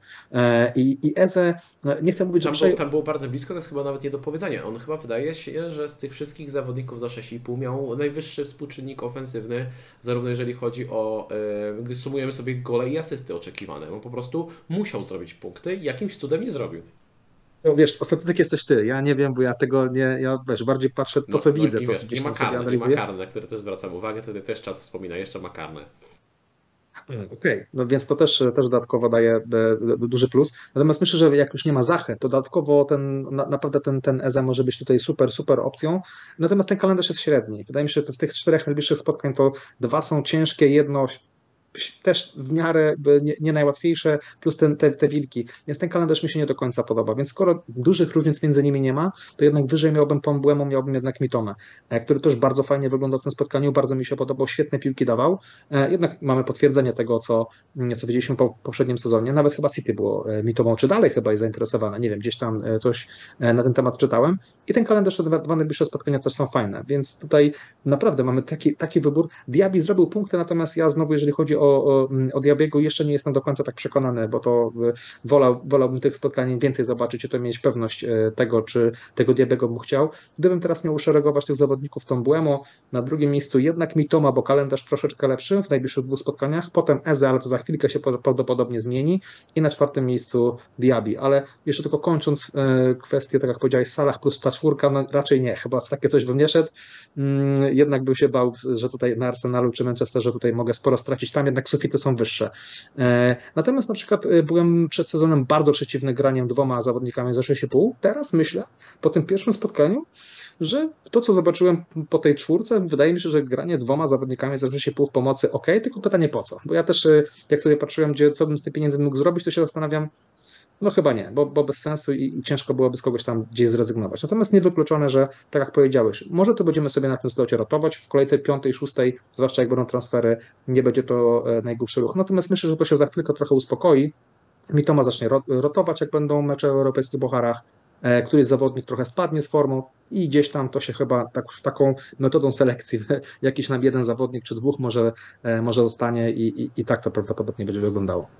No, Diaby też będzie miał europejski puchar, Aston Villa też będzie grał w europejskich pucharach, więc e, to też jest pewien minus, dlatego e, długoterminowo dla mnie numer 1 Bemo, numer 2 Eze, 3 chyba Diaby, a ostatni byłby Mitoma. Natomiast na patrząc na, na najbliższe cztery kolejki, no to Mitoma byłby dużo wyżej.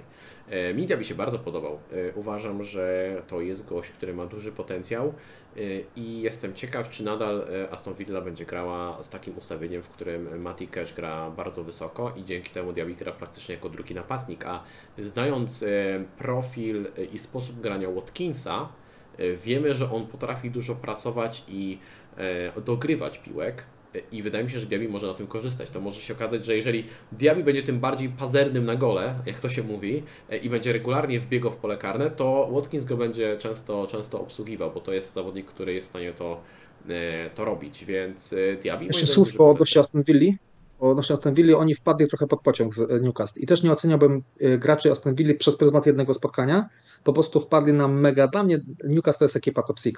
E, ona tam gdzieś powinna, to jest ich miejsce. I, i, i, i dla mnie tego e, Aston Villa nie oceniał, bo bym po tym jednym spotkaniu nie uciekał z ich opcji, nie sprzedawał Watkinsa, nie sprzedawał Diabiego, jeżeli ktoś ich ma, e, bo to naprawdę było dla nich bardzo ciężkie spotkanie. Newcastle wydaje mi się, że dużo że może w tym sezonie tak niektórych przeciwników rozjeżdżać. To mi się bardzo podoba i ja czuję, że więcej takich spotkań po Newcastle będziemy widzieli w tym sezonie. Zostając jeszcze na chwilę przy tym meczu, e, zgoda, e, dużo tam było też błędów indywidualnych, między innymi Pau Torres e, dużo błędów popełnił, to było kiepskie wejście z ławki za Minksa. Wiemy, że Minks jest poważnie kontuzjowany i wygląda na to, że Pau Torres będzie grał regularnie. Myślę, że ta defensywa się ogarnie, natomiast e, wracając do Newcastle, niektórzy mogą pytać, dlaczego na tej liście nie ma Harvey'ego Barnesa. I chyba się zgadzamy, że nie ma sensu się pchać w takiego zawodnika, który ma niepewne minuty, gdy rozmawiamy od pół godziny pewnie o najciekawszych opcjach w pomocy i wiele z tych, wielu z tych zawodników ma po prostu pewny skład, pewne minuty i bardzo duży potencjał.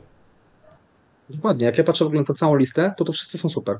E, To nie jest lista zrobiona na siłę, tu nie ma żadnego przypadkowego nazwiska. Czasami jak e, patrzę na tą listę, to mówię, mówię dobra, dwóch, trzech, czterech w ogóle bym o nich nie pomyślał. Tutaj autentycznie o każdym zawodniku można byłoby zbudować narrację, że tego zawodnika można byłoby mieć w składzie. E, Dlatego wydaje mi się, że granie piątką w pomocy jest tak ważne i to, co powiedziałeś, wydaje mi się, że to jest bardzo istotne. W FPL zmieniło trochę podejście i podchodzą nie na zasadzie, że na kogoś cię nie stać, tylko kogo weźmiesz.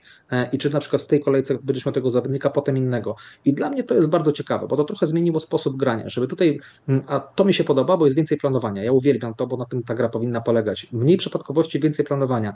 E, Fiksy robią punkty i tak możemy sobie na to przez pryzmat patrzeć i to sam nawet do siebie mówię, żeby się do na, pewnych nazwisk nie przywiązywać. Ja niestety też mam coś takiego, e, że się przywiązuję do pewnych nazwisk, które dały mi fajne punkty i zapominam trochę i trochę nie widzę blanków i, i za, za dużo daję tym zawodnikom takiego kredytu zaufania, gdzie powinienem z nich z- zeskoczyć. I w tym sezonie musimy też mieć z tyłu e, głowy na przykład zawodnicy 6,5. Załóżmy Błemo, nie wiem, 2-3 razy blankuje, e, gra słabo, a gdzieś inny zawodnik gra super, nie powinniśmy się zastanawiać, przeskakujemy, plus ma dobry kalendarz, przeskakujemy i, i nie przywiązujemy się do nazwisk. Mówię sam do, do siebie, bo czuję, że dużo razy prześpię ten moment, kiedy trzeba zrobić transfer. Natomiast to jest właśnie ta umiejętność i dobrzy menadżerowie wiedzą, kiedy zawodnika przeskoczyć i FPL w tą stronę poszło, żeby właśnie ta gra e, jeszcze bardziej nabiera sensu w ten sposób e, granie. To mi się bardzo podoba. Tak, tak, tak, zdecydowanie tutaj się zgadzamy. To jest e, słuszna, słuszna uwaga i też wydaje mi się, że z tego względu ja osobiście z tego względu bardzo mocno spoglądam na oczekiwane minuty i właśnie wykonywanie stałych fragmentów i rzuty karne, bo gdy widzę listę 15 zawodników i każdy jest super, to sobie myślę, dobra, który wyjdzie w każdym meczu, który gra po 90 minut, który ma karne, który ma dodatkowo stałe fragmenty. I stawiam na właśnie na tych gości, oczywiście przy okazji zwracając uwagę na kalendarz. E, Więc to też jest, to też jest e, bardzo istotne. Jakiś punkt odniesienia, jakiś taki e, coś, co przeważy tę szalę, mm, tą szalę musimy przy sobie przyjąć, jakiś taki czynnik i to są właśnie te czynniki, na które zwracamy, zwracamy uwagę. Możemy przejść do ataku? Myślę, że tak. Dobra, na- zawodników w ataku jest e, nieco mniej na tej, na tej liście. Mamy tutaj Halanda, Watkinsa, Isaka, Gakpo, Jacksona, Alvareza, Solanki, Wise, João Pedro, Nketiaha, Eduarda i Osule 4,5, który zagrał cały mecz e, w Sheffield, natomiast Sheffield nadal szuka napastnika. Jeżeli szuk- szukacie kogoś na, bram, na, na ostatni slot ataku, kto może gdzieś tam zagrać w najbliższym meczu, to właśnie jest Osula, ale o nim porozmawiamy najmniej. Teraz skupimy się na pozostałych zawodnikach, których można brać do składu. Haaland, tutaj nie ma co dużo dyskutować, 90% posiadania. Nie pamiętam, żeby jakikolwiek zawodnik kiedykolwiek miał 90% posiadania. I to nie jest takie posiadanie, wiesz, efektywne wśród najlepszych 10 tysięcy graczy. Nie. Wśród 8 milionów graczy chłop ma 90% posiadania. Yy, No cóż, no trzeba go mieć i tak naprawdę jeżeli nie dajecie mu paski kapitańskiej, to za każdym razem, gdy dokłada nogę, to lecicie w, w overallu. Tutaj może się okazać, co powiedziałeś wcześniej, że osoby z Salahem, gdzieś ja się w pewnym sensie można powiedzieć, no, że cieszę, że nie muszę takiej decyzji podjąć. E, natomiast te osoby, które będą z Salahem, które nie daj Boże wyblankuje, a Haaland coś zrobi, no to strasznie polecą. Natomiast oczywiście można patrzeć to dwutorowo, to nie, że kogoś, od, kogoś e, mm, odradzam, żeby taką decyzję podjąć, bo tak jak mówiłem, mając Salaha dałbym mu opaskę, bo to oczywiście może tak samo dużo zyskać. Natomiast tak jak mówisz, Haaland po tamtym sezonie no raczej wszyscy wiedzieli o tym, jakim jest zawodnikiem i nawet scena 14 minut nikogo nie odstraszyła. E, wydaje, że nawet jak było 15 czy 16, nie wiem, czy dalej Haaland nie miałby takiego posiadania, chyba, że byłby Kane. To wtedy chyba jedyne zagrożenie przez 16 milionów, może ten Kane by faktycznie był jakąś tam sensowną opcją. Natomiast no, wygląda tak, jak wygląda. Tak naprawdę gramy w 10 e, i zapominamy trochę o stacie Halanda, który jest takim must have'em. Póki się nie skontuzuje, mm, no to po prostu e, gramy, dajemy mu raczej opaskę praktycznie w każdym spotkaniu, może, po, poza, mo- może poza jakimiś podwójnymi kolejkami, albo to osoby, które mają Salaha. Tak, tutaj się, tutaj się zgadzamy. Chciałem z Tobą porozmawiać o Watkinsie, bo o Holandii to nie ma co za dużo rozmawiać. E, Watkins, opcja e, po odejściu Kane'a najdroższa ze wszystkich napastników, e, zwłaszcza jeżeli spojrzymy sobie na tych zdrowych, a nawet wśród tych kontuzjowanych nie ma nikogo, kto kosztuje powyżej 8 milionów. Czyli z jednej strony można powiedzieć, że można zejść z Watkinsa na tańszego napastnika, uwolnić kasę i być może któryś z tych napastników ma podobny lub jeszcze większy potencjał. Z drugiej strony cały stream rozmawiamy o tym, że jest tylu dobrych zawodników w atrakcyjnych cenach, że niekoniecznie nawet musimy uwalniać te fundusze. Powiedz mi, jak Ty się zapatrujesz na, na tego Watkinsa, czy Ty zamierzasz go trzymać, czy gdzieś tam Cię już e, korci, żeby ewentualnie go podmienić na kogoś z tych tańszych zawodników, o których porozmawiamy za chwilę? Wiesz co, to jest taki idealny moment, że spokojnie sobie czekam. Siedzę, jestem zadowolony z tym, że Watkinsa mam. Patrzę sobie na kalendarz, dwa najbliższe spotkania, które mi się bardzo podobają. E, tutaj dopiero tak naprawdę czekamy na punkty. Wiedzieliśmy, że Mecz Newcastle będzie trudnym spotkaniem e, i nawet byśmy przyjęli tutaj Blanka jakby z pokorą, wiedząc o tym, że to w tym spotkaniu Blank czymś normalnym był. Więc ta asysta fajnie. To jest coś, jakiś tam bonusik, który Watkins e, złapał. Natomiast te punkty e, czekaliśmy właśnie, że będą w kolejce 2-3 e, i na to, na to liczę. I tutaj będę Watkinsa bacznie obserwował, zarazem obserwując kilka opcji, o których za chwilkę powiemy. Bo wydaje mi się, że tutaj przeskakiwanie z Watkinsa przed meczem z Liverpoolem na przykład na jakąś fajną opcję tańszą, nawet nie w kontekście pieniędzy, tylko to, co powiedziałeś, bardziej potencjału, bo kalendarz się troszeczkę niektórym zespołom fajnie zmienia, chociażby Chelsea mm, i nie wiem, czy tutaj takie, tak, taki przeskok na przykład nie będzie gdzieś tam e, popularny. Oczywiście dużo rzeczy musi się wydarzyć, tak, bo nie tylko Watkins zagrać źle, ale i te nazwiska jakieś tam ciekawe muszą zagrać dobrze, bo też powiemy za chwilkę o Alvarezie w kontekście kontuzji Kevina De Bruyne, więc są pewne, jest pewien potencjał. Nawet gracze jeszcze tańsi są e, gdzieś tam w, w orbicie, natomiast ja na ten moment nie, nie planuję teraz sprzedawać Watkinsa. E, Taką decyzję, jeżeli już będę podejmował gdzieś przed meczem z Liverpoolem, chociaż też mnie ten mecz zbytnio nie odstrasza. E, Widzieliśmy, że Liverpool w tej obronie monolitem nie jest. Więc teraz spokojnie czekamy, co się, co się dzieje przed kolejką czwartą. Pomówimy o Watkinsie, czy warto sprzedawać, czy nie. Jasne, tutaj 100%, 100% zgody. Ja też tę asystę e, z Newcastle traktuję jako bonus i czekam na te najbliższe 2-4 mecze. Jeszcze słówko, jeszcze słówko. Watkins w poprzednim sezonie, przypomnę, to był gracz naprawdę, który w pewnym momencie sprzedaliśmy chyba Holanda, który blankował na Watkinsa i on po prostu co mecz takie dawał punkty. Przypomnijmy sobie to i to jest dalej ta, ta sama Aston Villa, wzmocniona jeszcze, no okej, okay, Minksa nie ma, ale, ale jest ten, ten zespół mocny i to jest ten sam Watkins, więc dajmy po meczu z Newcastle jeszcze e, te, te, te dwa spotkania. W presezonie też wyglądał dobrze ten Watkins, więc naprawdę tutaj zalecam, żeby się nie zachłystywać jakimiś nowymi nazwiskami od razu. Poczekajmy, przyjdzie czas, e, to jest dopiero kolejka numer dwa, więc przyjdą jeszcze na pewno momenty, gdzie innych zawodników będziemy mieli w składzie. Tak, zwłaszcza, że jeżeli będą jakieś pożary, to Watkinsa można trzymać, tak spoglądając w kalendarz, do GW14 włącznie tak naprawdę, więc to jest zawodnik, który daje bardzo duży komfort, bo można go przetrzymać przez 14 kolejek, a jak ktoś będzie chciał go sprzedać, to w każdej chwili można go wymienić na kogoś tańszego. Idziemy dalej. Isak, bo czuję, że tutaj możemy się nie zgodzić.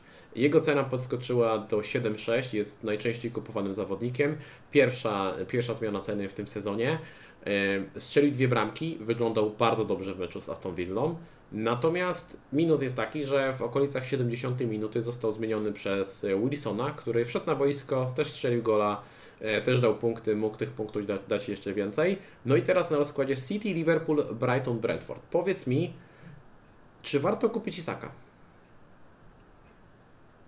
Jest to, mi się kojarzy sytuacja z Isakiem, Wilsonem trochę jak z Chelsea czy z Liverpoolem. To są super gracze, tam będą punkty, tylko komu gdzieś się wylosują. Tylko tutaj według mnie nie ma takiego ryzyka, że Isak zagra mało. On będzie grał, e, zagra trochę mniej e, i nie jest drogi. Natomiast y, czy teraz go brać? No pytanie, czy jest sens brać go na przykład za Watkinsa teraz? No nie widzę zbytnio takiego sensu, tak? Inna byłaby sytuacja, gdyby Watkins był kontuzjowany i byśmy mówili kogo wziąć, tak? I, i Isak ma City, rozważmy.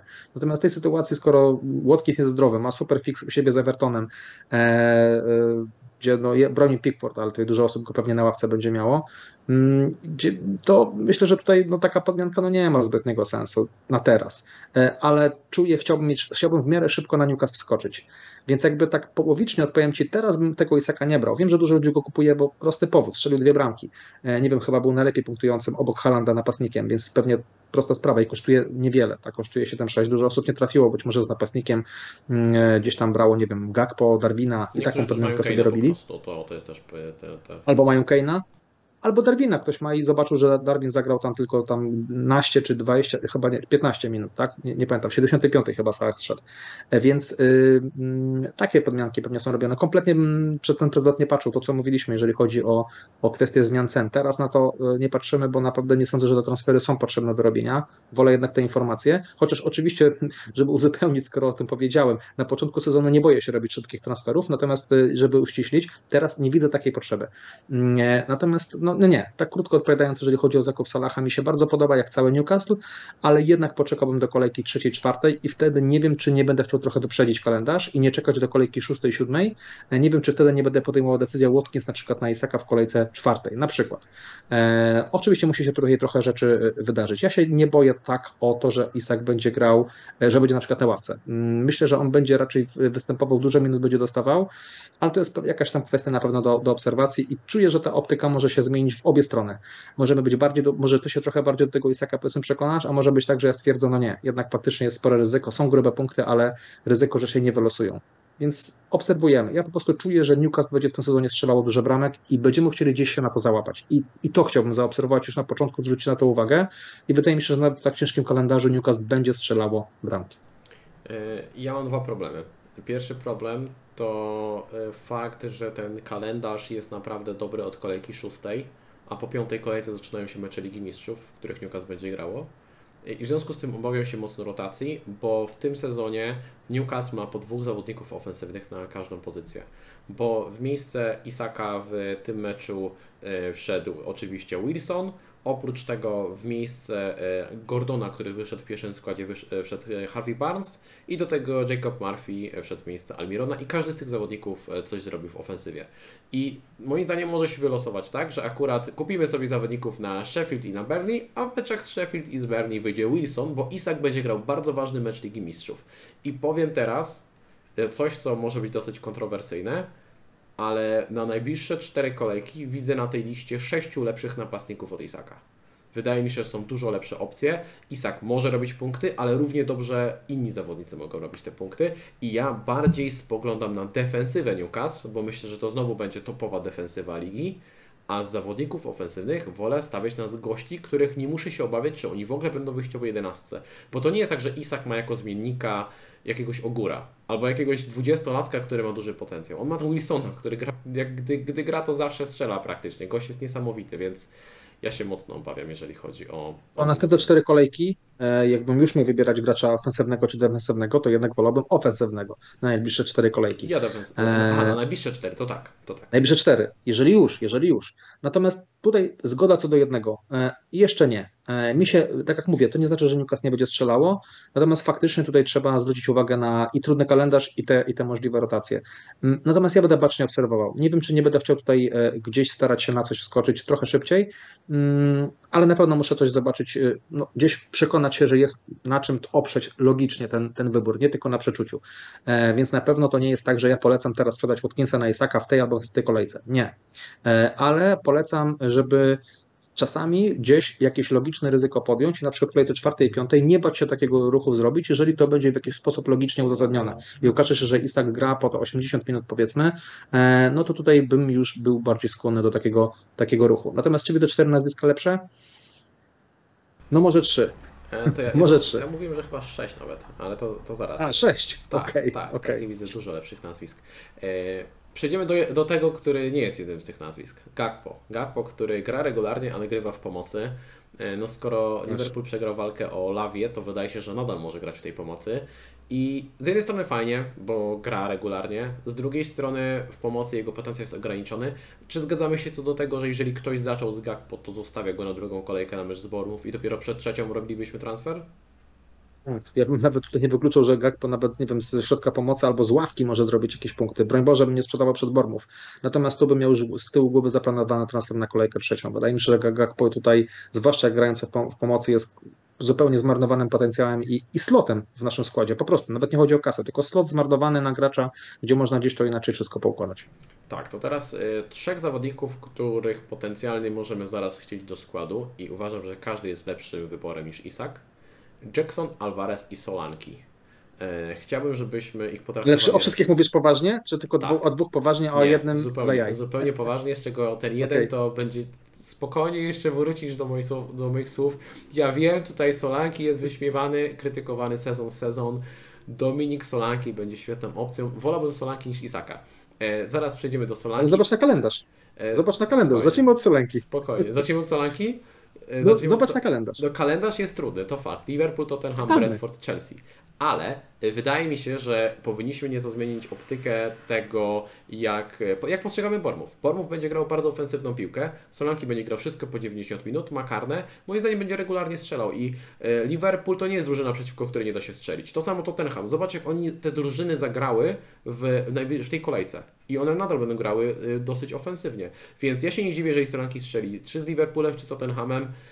Brentford też poszło na Mam wymianę ciosów. Mam pomysł na, na zakład. Mam pomysł na zakład. Więcej zrobi Isak w tych czterech najbliższych spotkaniach niż Solanki. Nie. zakład i Mo- wpłacamy. Mogę się założyć. Mogę się założyć, że Okej. w najbliższych czterech Możemy się- kolejkach e, Solanki robi więcej punktów od Isaka. Możemy się założyć. dobra. E, wygrany stawia dobry trunek. E, znaczy, przegrany Dobra. stawia wygranemu dobry trunek. Także, Okej. także jesteście świadkami, możemy się założyć. Dobra, krytykujesz tutaj tego Solanki, ja go, ja go bardzo cenię, to porozmawiamy o dwóch innych nazwiskach. Jackson i Alvarez. Jackson Już prędzej. Jackson świetny kalendarz i do tego e, duży potencjał. Nie chcę mówić zbyt wiele, chciałbym, żebyś ty powiedział, co sądzisz o Jack- Jacksonie. E, Dla mnie właśnie Jackson to był z takim zawodnikiem, którego chciałem trochę poobserwować, bo o nim za dużo nie wiedziałem. E, Tak jak Ci mówiłem, za dużo sparingów nie oglądałem, e, więc o Jacksonie wiedziałem tylko tyle, ile zdążyłem sobie przeczytać. Sam nie miałem swojego zdania wyrobionego. E, Wczoraj Jackson, pomimo to, że zrobił tylko jeden punkt, bo jeszcze tam chyba żółtą kartkę złapał, to wyglądał całkiem nieźle. E, I muszę powiedzieć, że e, jak na gracza za 7-0 e, i patrząc na kalendarz, który za- zaraz zaczyna Chelsea, no to wydaje mi się, że to będzie, może być opcja naprawdę super. Natomiast ja się zastanawiam, czy tam żadnych transferów nie będzie w Chelsea. I tego bym się lekko obawiał. Czy tam w związku z tym, że Nkunku jest kontuzjowany aż do grudnia chyba, mm, no to pytanie, czy tutaj nie będą poszukiwali jakiegoś zawodnika. O to bym się trochę bał. Mm, I nie jestem do końca przekonany, czy w tego Jacksona teraz bym szedł. Czy jednak wolałbym tej, nie wiem kiedy okienko transferowe się zaczyna, przed którą to będzie, to będzie kolejką, ale patrząc na kalendarz Luton, Nottingham Forest i Bournemouth, będziemy chcieli mieć potrojone Chelsea i wydaje mi się, że tutaj przed kolejką trzecią staniemy przed takim dylematem, Ko, dobra, to kogo bierzemy? Kogo do, do, do, do powiedzmy do mm, Chilwella, kogo, kogo z Ch- Chelsea będziemy do, dorzucać? I to będzie taka, taka ciekawa decyzja do, do podjęcia. Powiem Ci, sam nie wiem, natomiast Jackson mi się podobał wczoraj bardzo, pomimo, że punktów nie zrobił e, i ze słabszymi przeciwnikami wydaje mi się, że tych goli tutaj e, trochę z jego strony wpadnie. Tak, mi się Jackson bardzo podobał, oglądałem go w sparingach, dlatego go mocno go pchałem do składu i rozważałem, żeby go mieć już na pierwszą kolejkę. Uważam, że ma olbrzymi potencjał, e, dochodzi do wielu sytuacji, silny fizycznie, potrafi się dobrze urwać obrońcom. Zobaczymy, jak będzie ze skutecznością, bo to jest taki, e, taki zawodnik jeszcze nieokrzesany troszeczkę, nie wiem jak to mówić po polsku, taki, którego trzeba doszlifować jeszcze, e, więc, Mhm. więc zobaczymy, jak to pójdzie, pójdzie Pochettino. Alvarez. Alvarez jest opcją z tego względu, że kontuzjowany jest Kevin De Bruyne i widzieliśmy w meczu z Berni, że Alvarez grał de facto nie na pozycji Kevina, tylko grał e, najpierw na jednym skrzydle, później na drugim skrzydle, w środku też się pojawiał. E, Ta jego uniwersalność jest e, bardzo ważna e, i wydaje mi się, że w tym sezonie może odegrać dużo ważniejszą rolę, zwłaszcza teraz pod nieobecność Kevina. Czy Ciebie kusi tutaj Alvarez do składu? Może niekoniecznie na drugą kolejkę, bo to jest mecz z Newcastle. W środku tygodnia mamy jeszcze mecz o Super Puchar Europy, więc to chyba nie jest najlepszy moment, żeby na niego wskoczyć. Ale spoglądam sobie na to Sheffield i Fulham, trzecia, czwarta kolejka i ja już jednym okiem zerkam na Alvareza. Ale cały czas się boję, czy on zagra, czy nie zagra. Co Pep wymyśli, jak ustawi. Przecież Foden potrafił grać na, na, na szpicy gdzieś tam e, i czy pełnić funkcję razem z Haalandem jako zawodnik bardziej ofensywny. Boję się, co tam Pep wymyśli. I niby się wydawało, że Alvarez był w zeszłym sezonie przynajmniej takim naturalnym zmiennikiem De Bruyne, ale niestety to nie możemy być teraz tego, tego pewni. To, co powiedziałeś, nie będę to powtarzał, ale e, ja się tutaj trochę obawiam tego, że nie mógłbym być pewien w każdym spotkaniu o tego Alvareza. Skoro rezygnujemy z Fodena z takiego powodu, to dlaczego idziemy w Alvareza? E, mi się wydaje, że to jest bardzo podobny case, chociaż może tutaj się kłócić o pewien jakiś tam potencjał, o, o, o kwestii może jakoś większych szczegółów, więc nie chciałbym tutaj aż tak tego roztrząsać.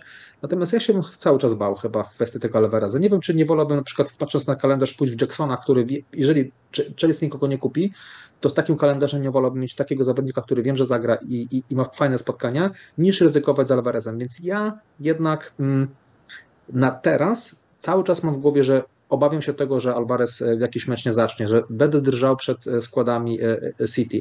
Jeżeli ta sytuacja gdzieś się, bo chyba De Bruyne wypada na długo, tak? O ile gdzieś tam wiem, to ma trochę potrwać. Nie wiem, czy tam była... Jeszcze nie mamy potwierdzenia, więc dlatego trzeba tutaj jeszcze poczekać z tymi wyrokami, okay. dlatego też nie namawiam, żeby okay. na siłę brać teraz, ale no... Właśnie. Mówi się, że się odnowiła ta kontuzja, którą miał ostatnio, ostatnio przez dwa miesiące nie grał. To był tak naprawdę jego pierwszy Właśnie. mecz, który zagrał od pierwszej minuty, no i ta kontuzja od razu się odnowiła, więc... Szczerze, szczerze powiem, że jestem w szoku, że ja on też. zagrał od pierwszej minuty. Kompletnie dla mnie to było nielogiczne, żeby w takim spotkaniu wystawiać go od pierwszej minuty.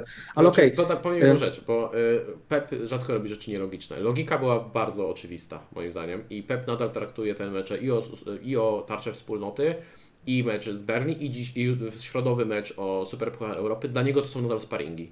Dla niego to są nadal sparingi, bo... Mecz w lidze sparring? Tak, tak. Mecz w, lidze? w poprzednim sezonie wyglądał to dokładnie tak samo, nie wiem czy pamiętasz. City rozegrało najmniej sparingów przed sezonem, po to, żeby ci zawodnicy mieli mniej minut i pierwsze mecze wykorzystuje jak sparingi. On dał zagrać zawodnikom, którzy potrzebowali jeszcze minut.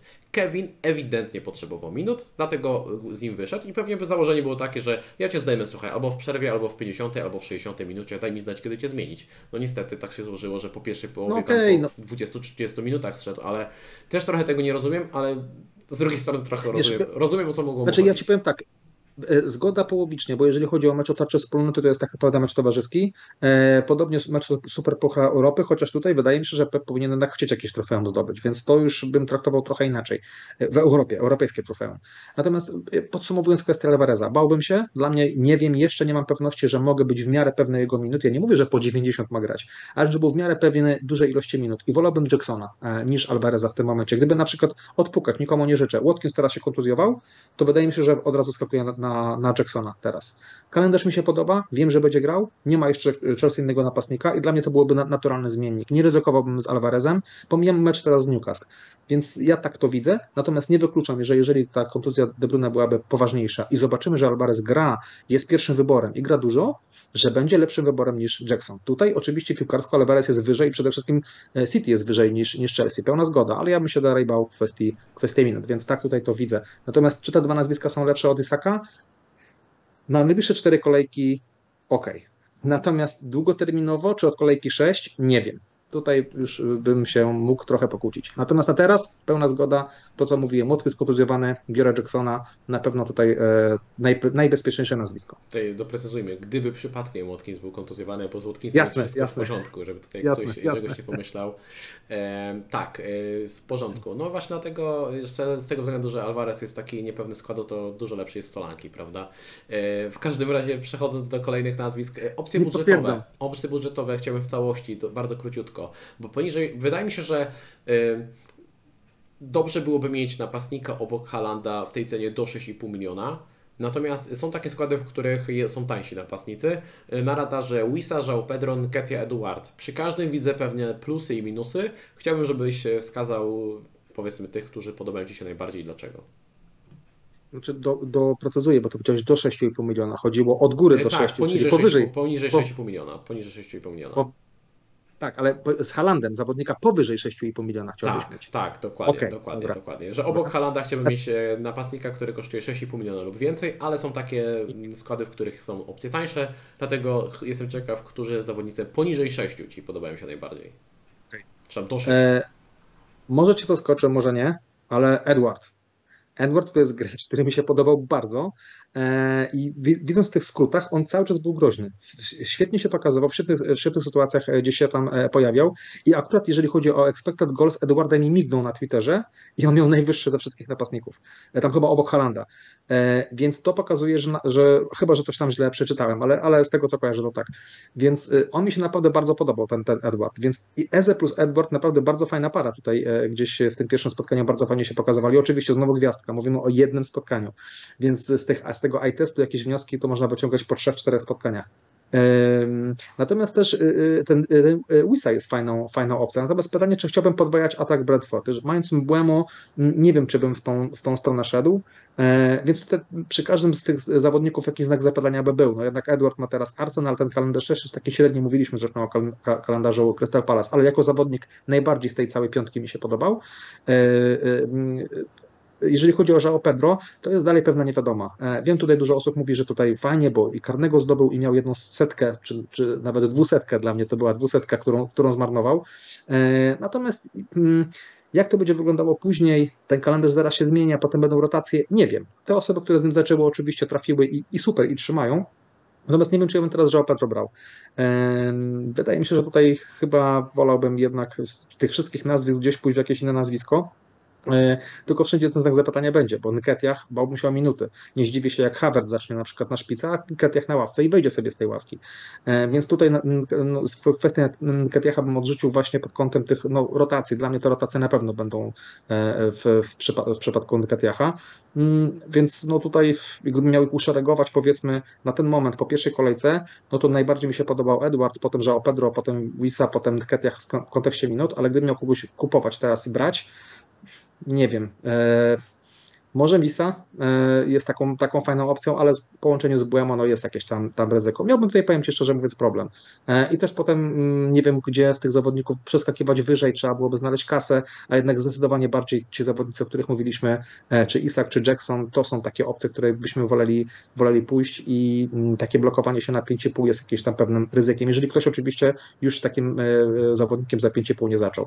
Więc ja mm, te opcje, ok, fajnie wystartowały, każdy z nich się fajnie pokazał, bo chyba każdy nawet bramkę zdobył, teraz widzę, e, faktycznie, e, ale, ale nie wiem, czy bym tych zawodników teraz się, się, się gdzieś tam ładował i Moim zdaniem tak. E, Wisa trochę problem, bo będzie schodził około 70 minuty, w jego miejsce wchodzi Szade. Nie chciałbym też podwajać ofensywy, tutaj malutki minusik. Żał Pedro, e, duży plus jeżeli chodzi o minuty, bo zagrał prawie 90 minut, ma też rzuty karne, najbliższe dwie kolejki super, więc no najbliższe dwie kolejki super. Długoterminowo troszeczkę bawiłbym się rotacji. Nketia moim zdaniem zbyt duże ryzyko minut. Eduard jest w porządku, ale nie teraz, dlatego żadna z tych opcji mnie nie przekonuje na dziś.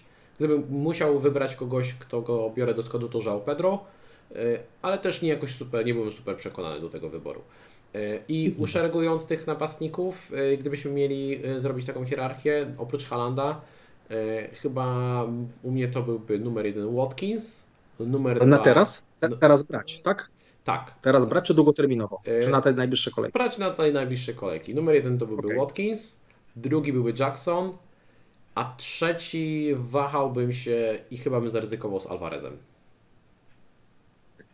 Jest to chyba się zgodzę. E, gdybym teraz kogoś miał brać, to, to chyba tak by u mnie też to wyglądało. Jednak ten kalendarz w przypadku niektórych ostrasza, albo te znaki zapytania już nie będziemy się powtarzać i chyba ta trójka u mnie też by była najwyżej. W porządku. E, to co? E, przechodzimy do Twojego składu. Widzicie go w tym momencie na ekranie. U Adama na bramce jest Turner, którego masz w wyjściowym składzie, sadzasz Onanę. W obronie masz Chilwella, Salibę, Stupiniana, w pomocy Rashford, Bruno, Buemo, Saka, Martinelli, na kapitanie Haaland w meczu z Newcastle i jest Watkins. Na ławce oprócz Onany jest Baldock Archer i Kaborek, który nie ma meczu. E, planujesz jakieś zmiany? Pewnie nie. No nie, tutaj właściwie mm, nawet ta kolejka pierwsza jakoś nie, nie, nie spowodowała, tak jak sam powiedziałeś na początku, jakichś zmian w naszym myśleniu. Ci zawodnicy, którzy mieli dać punkty, to dali. E, tych, których mamy, jesteśmy, ubraliśmy ich nie na jedną kolejkę, więc e, nie ma, nie widzę powodu dla robienia transferu. Zachowuję transfer. W następnej kolejce myślę, że będę patrzył na przede wszystkim na Chelsea i na, na Madisona. Wydaje mi się, że to takie, mm, takie popularne będą ruchy. Natomiast kto wie, może w kolejce drugiej się wszystko poprzewraca i, i gdzieś coś, jakiś pożar się pojawi, oby nie, e, albo jakieś inne nazwiska wskoczą. Tutaj raczej e, decyzji za dużo nie ma do, do podjęcia, no może ewentualnie kwestia bramki.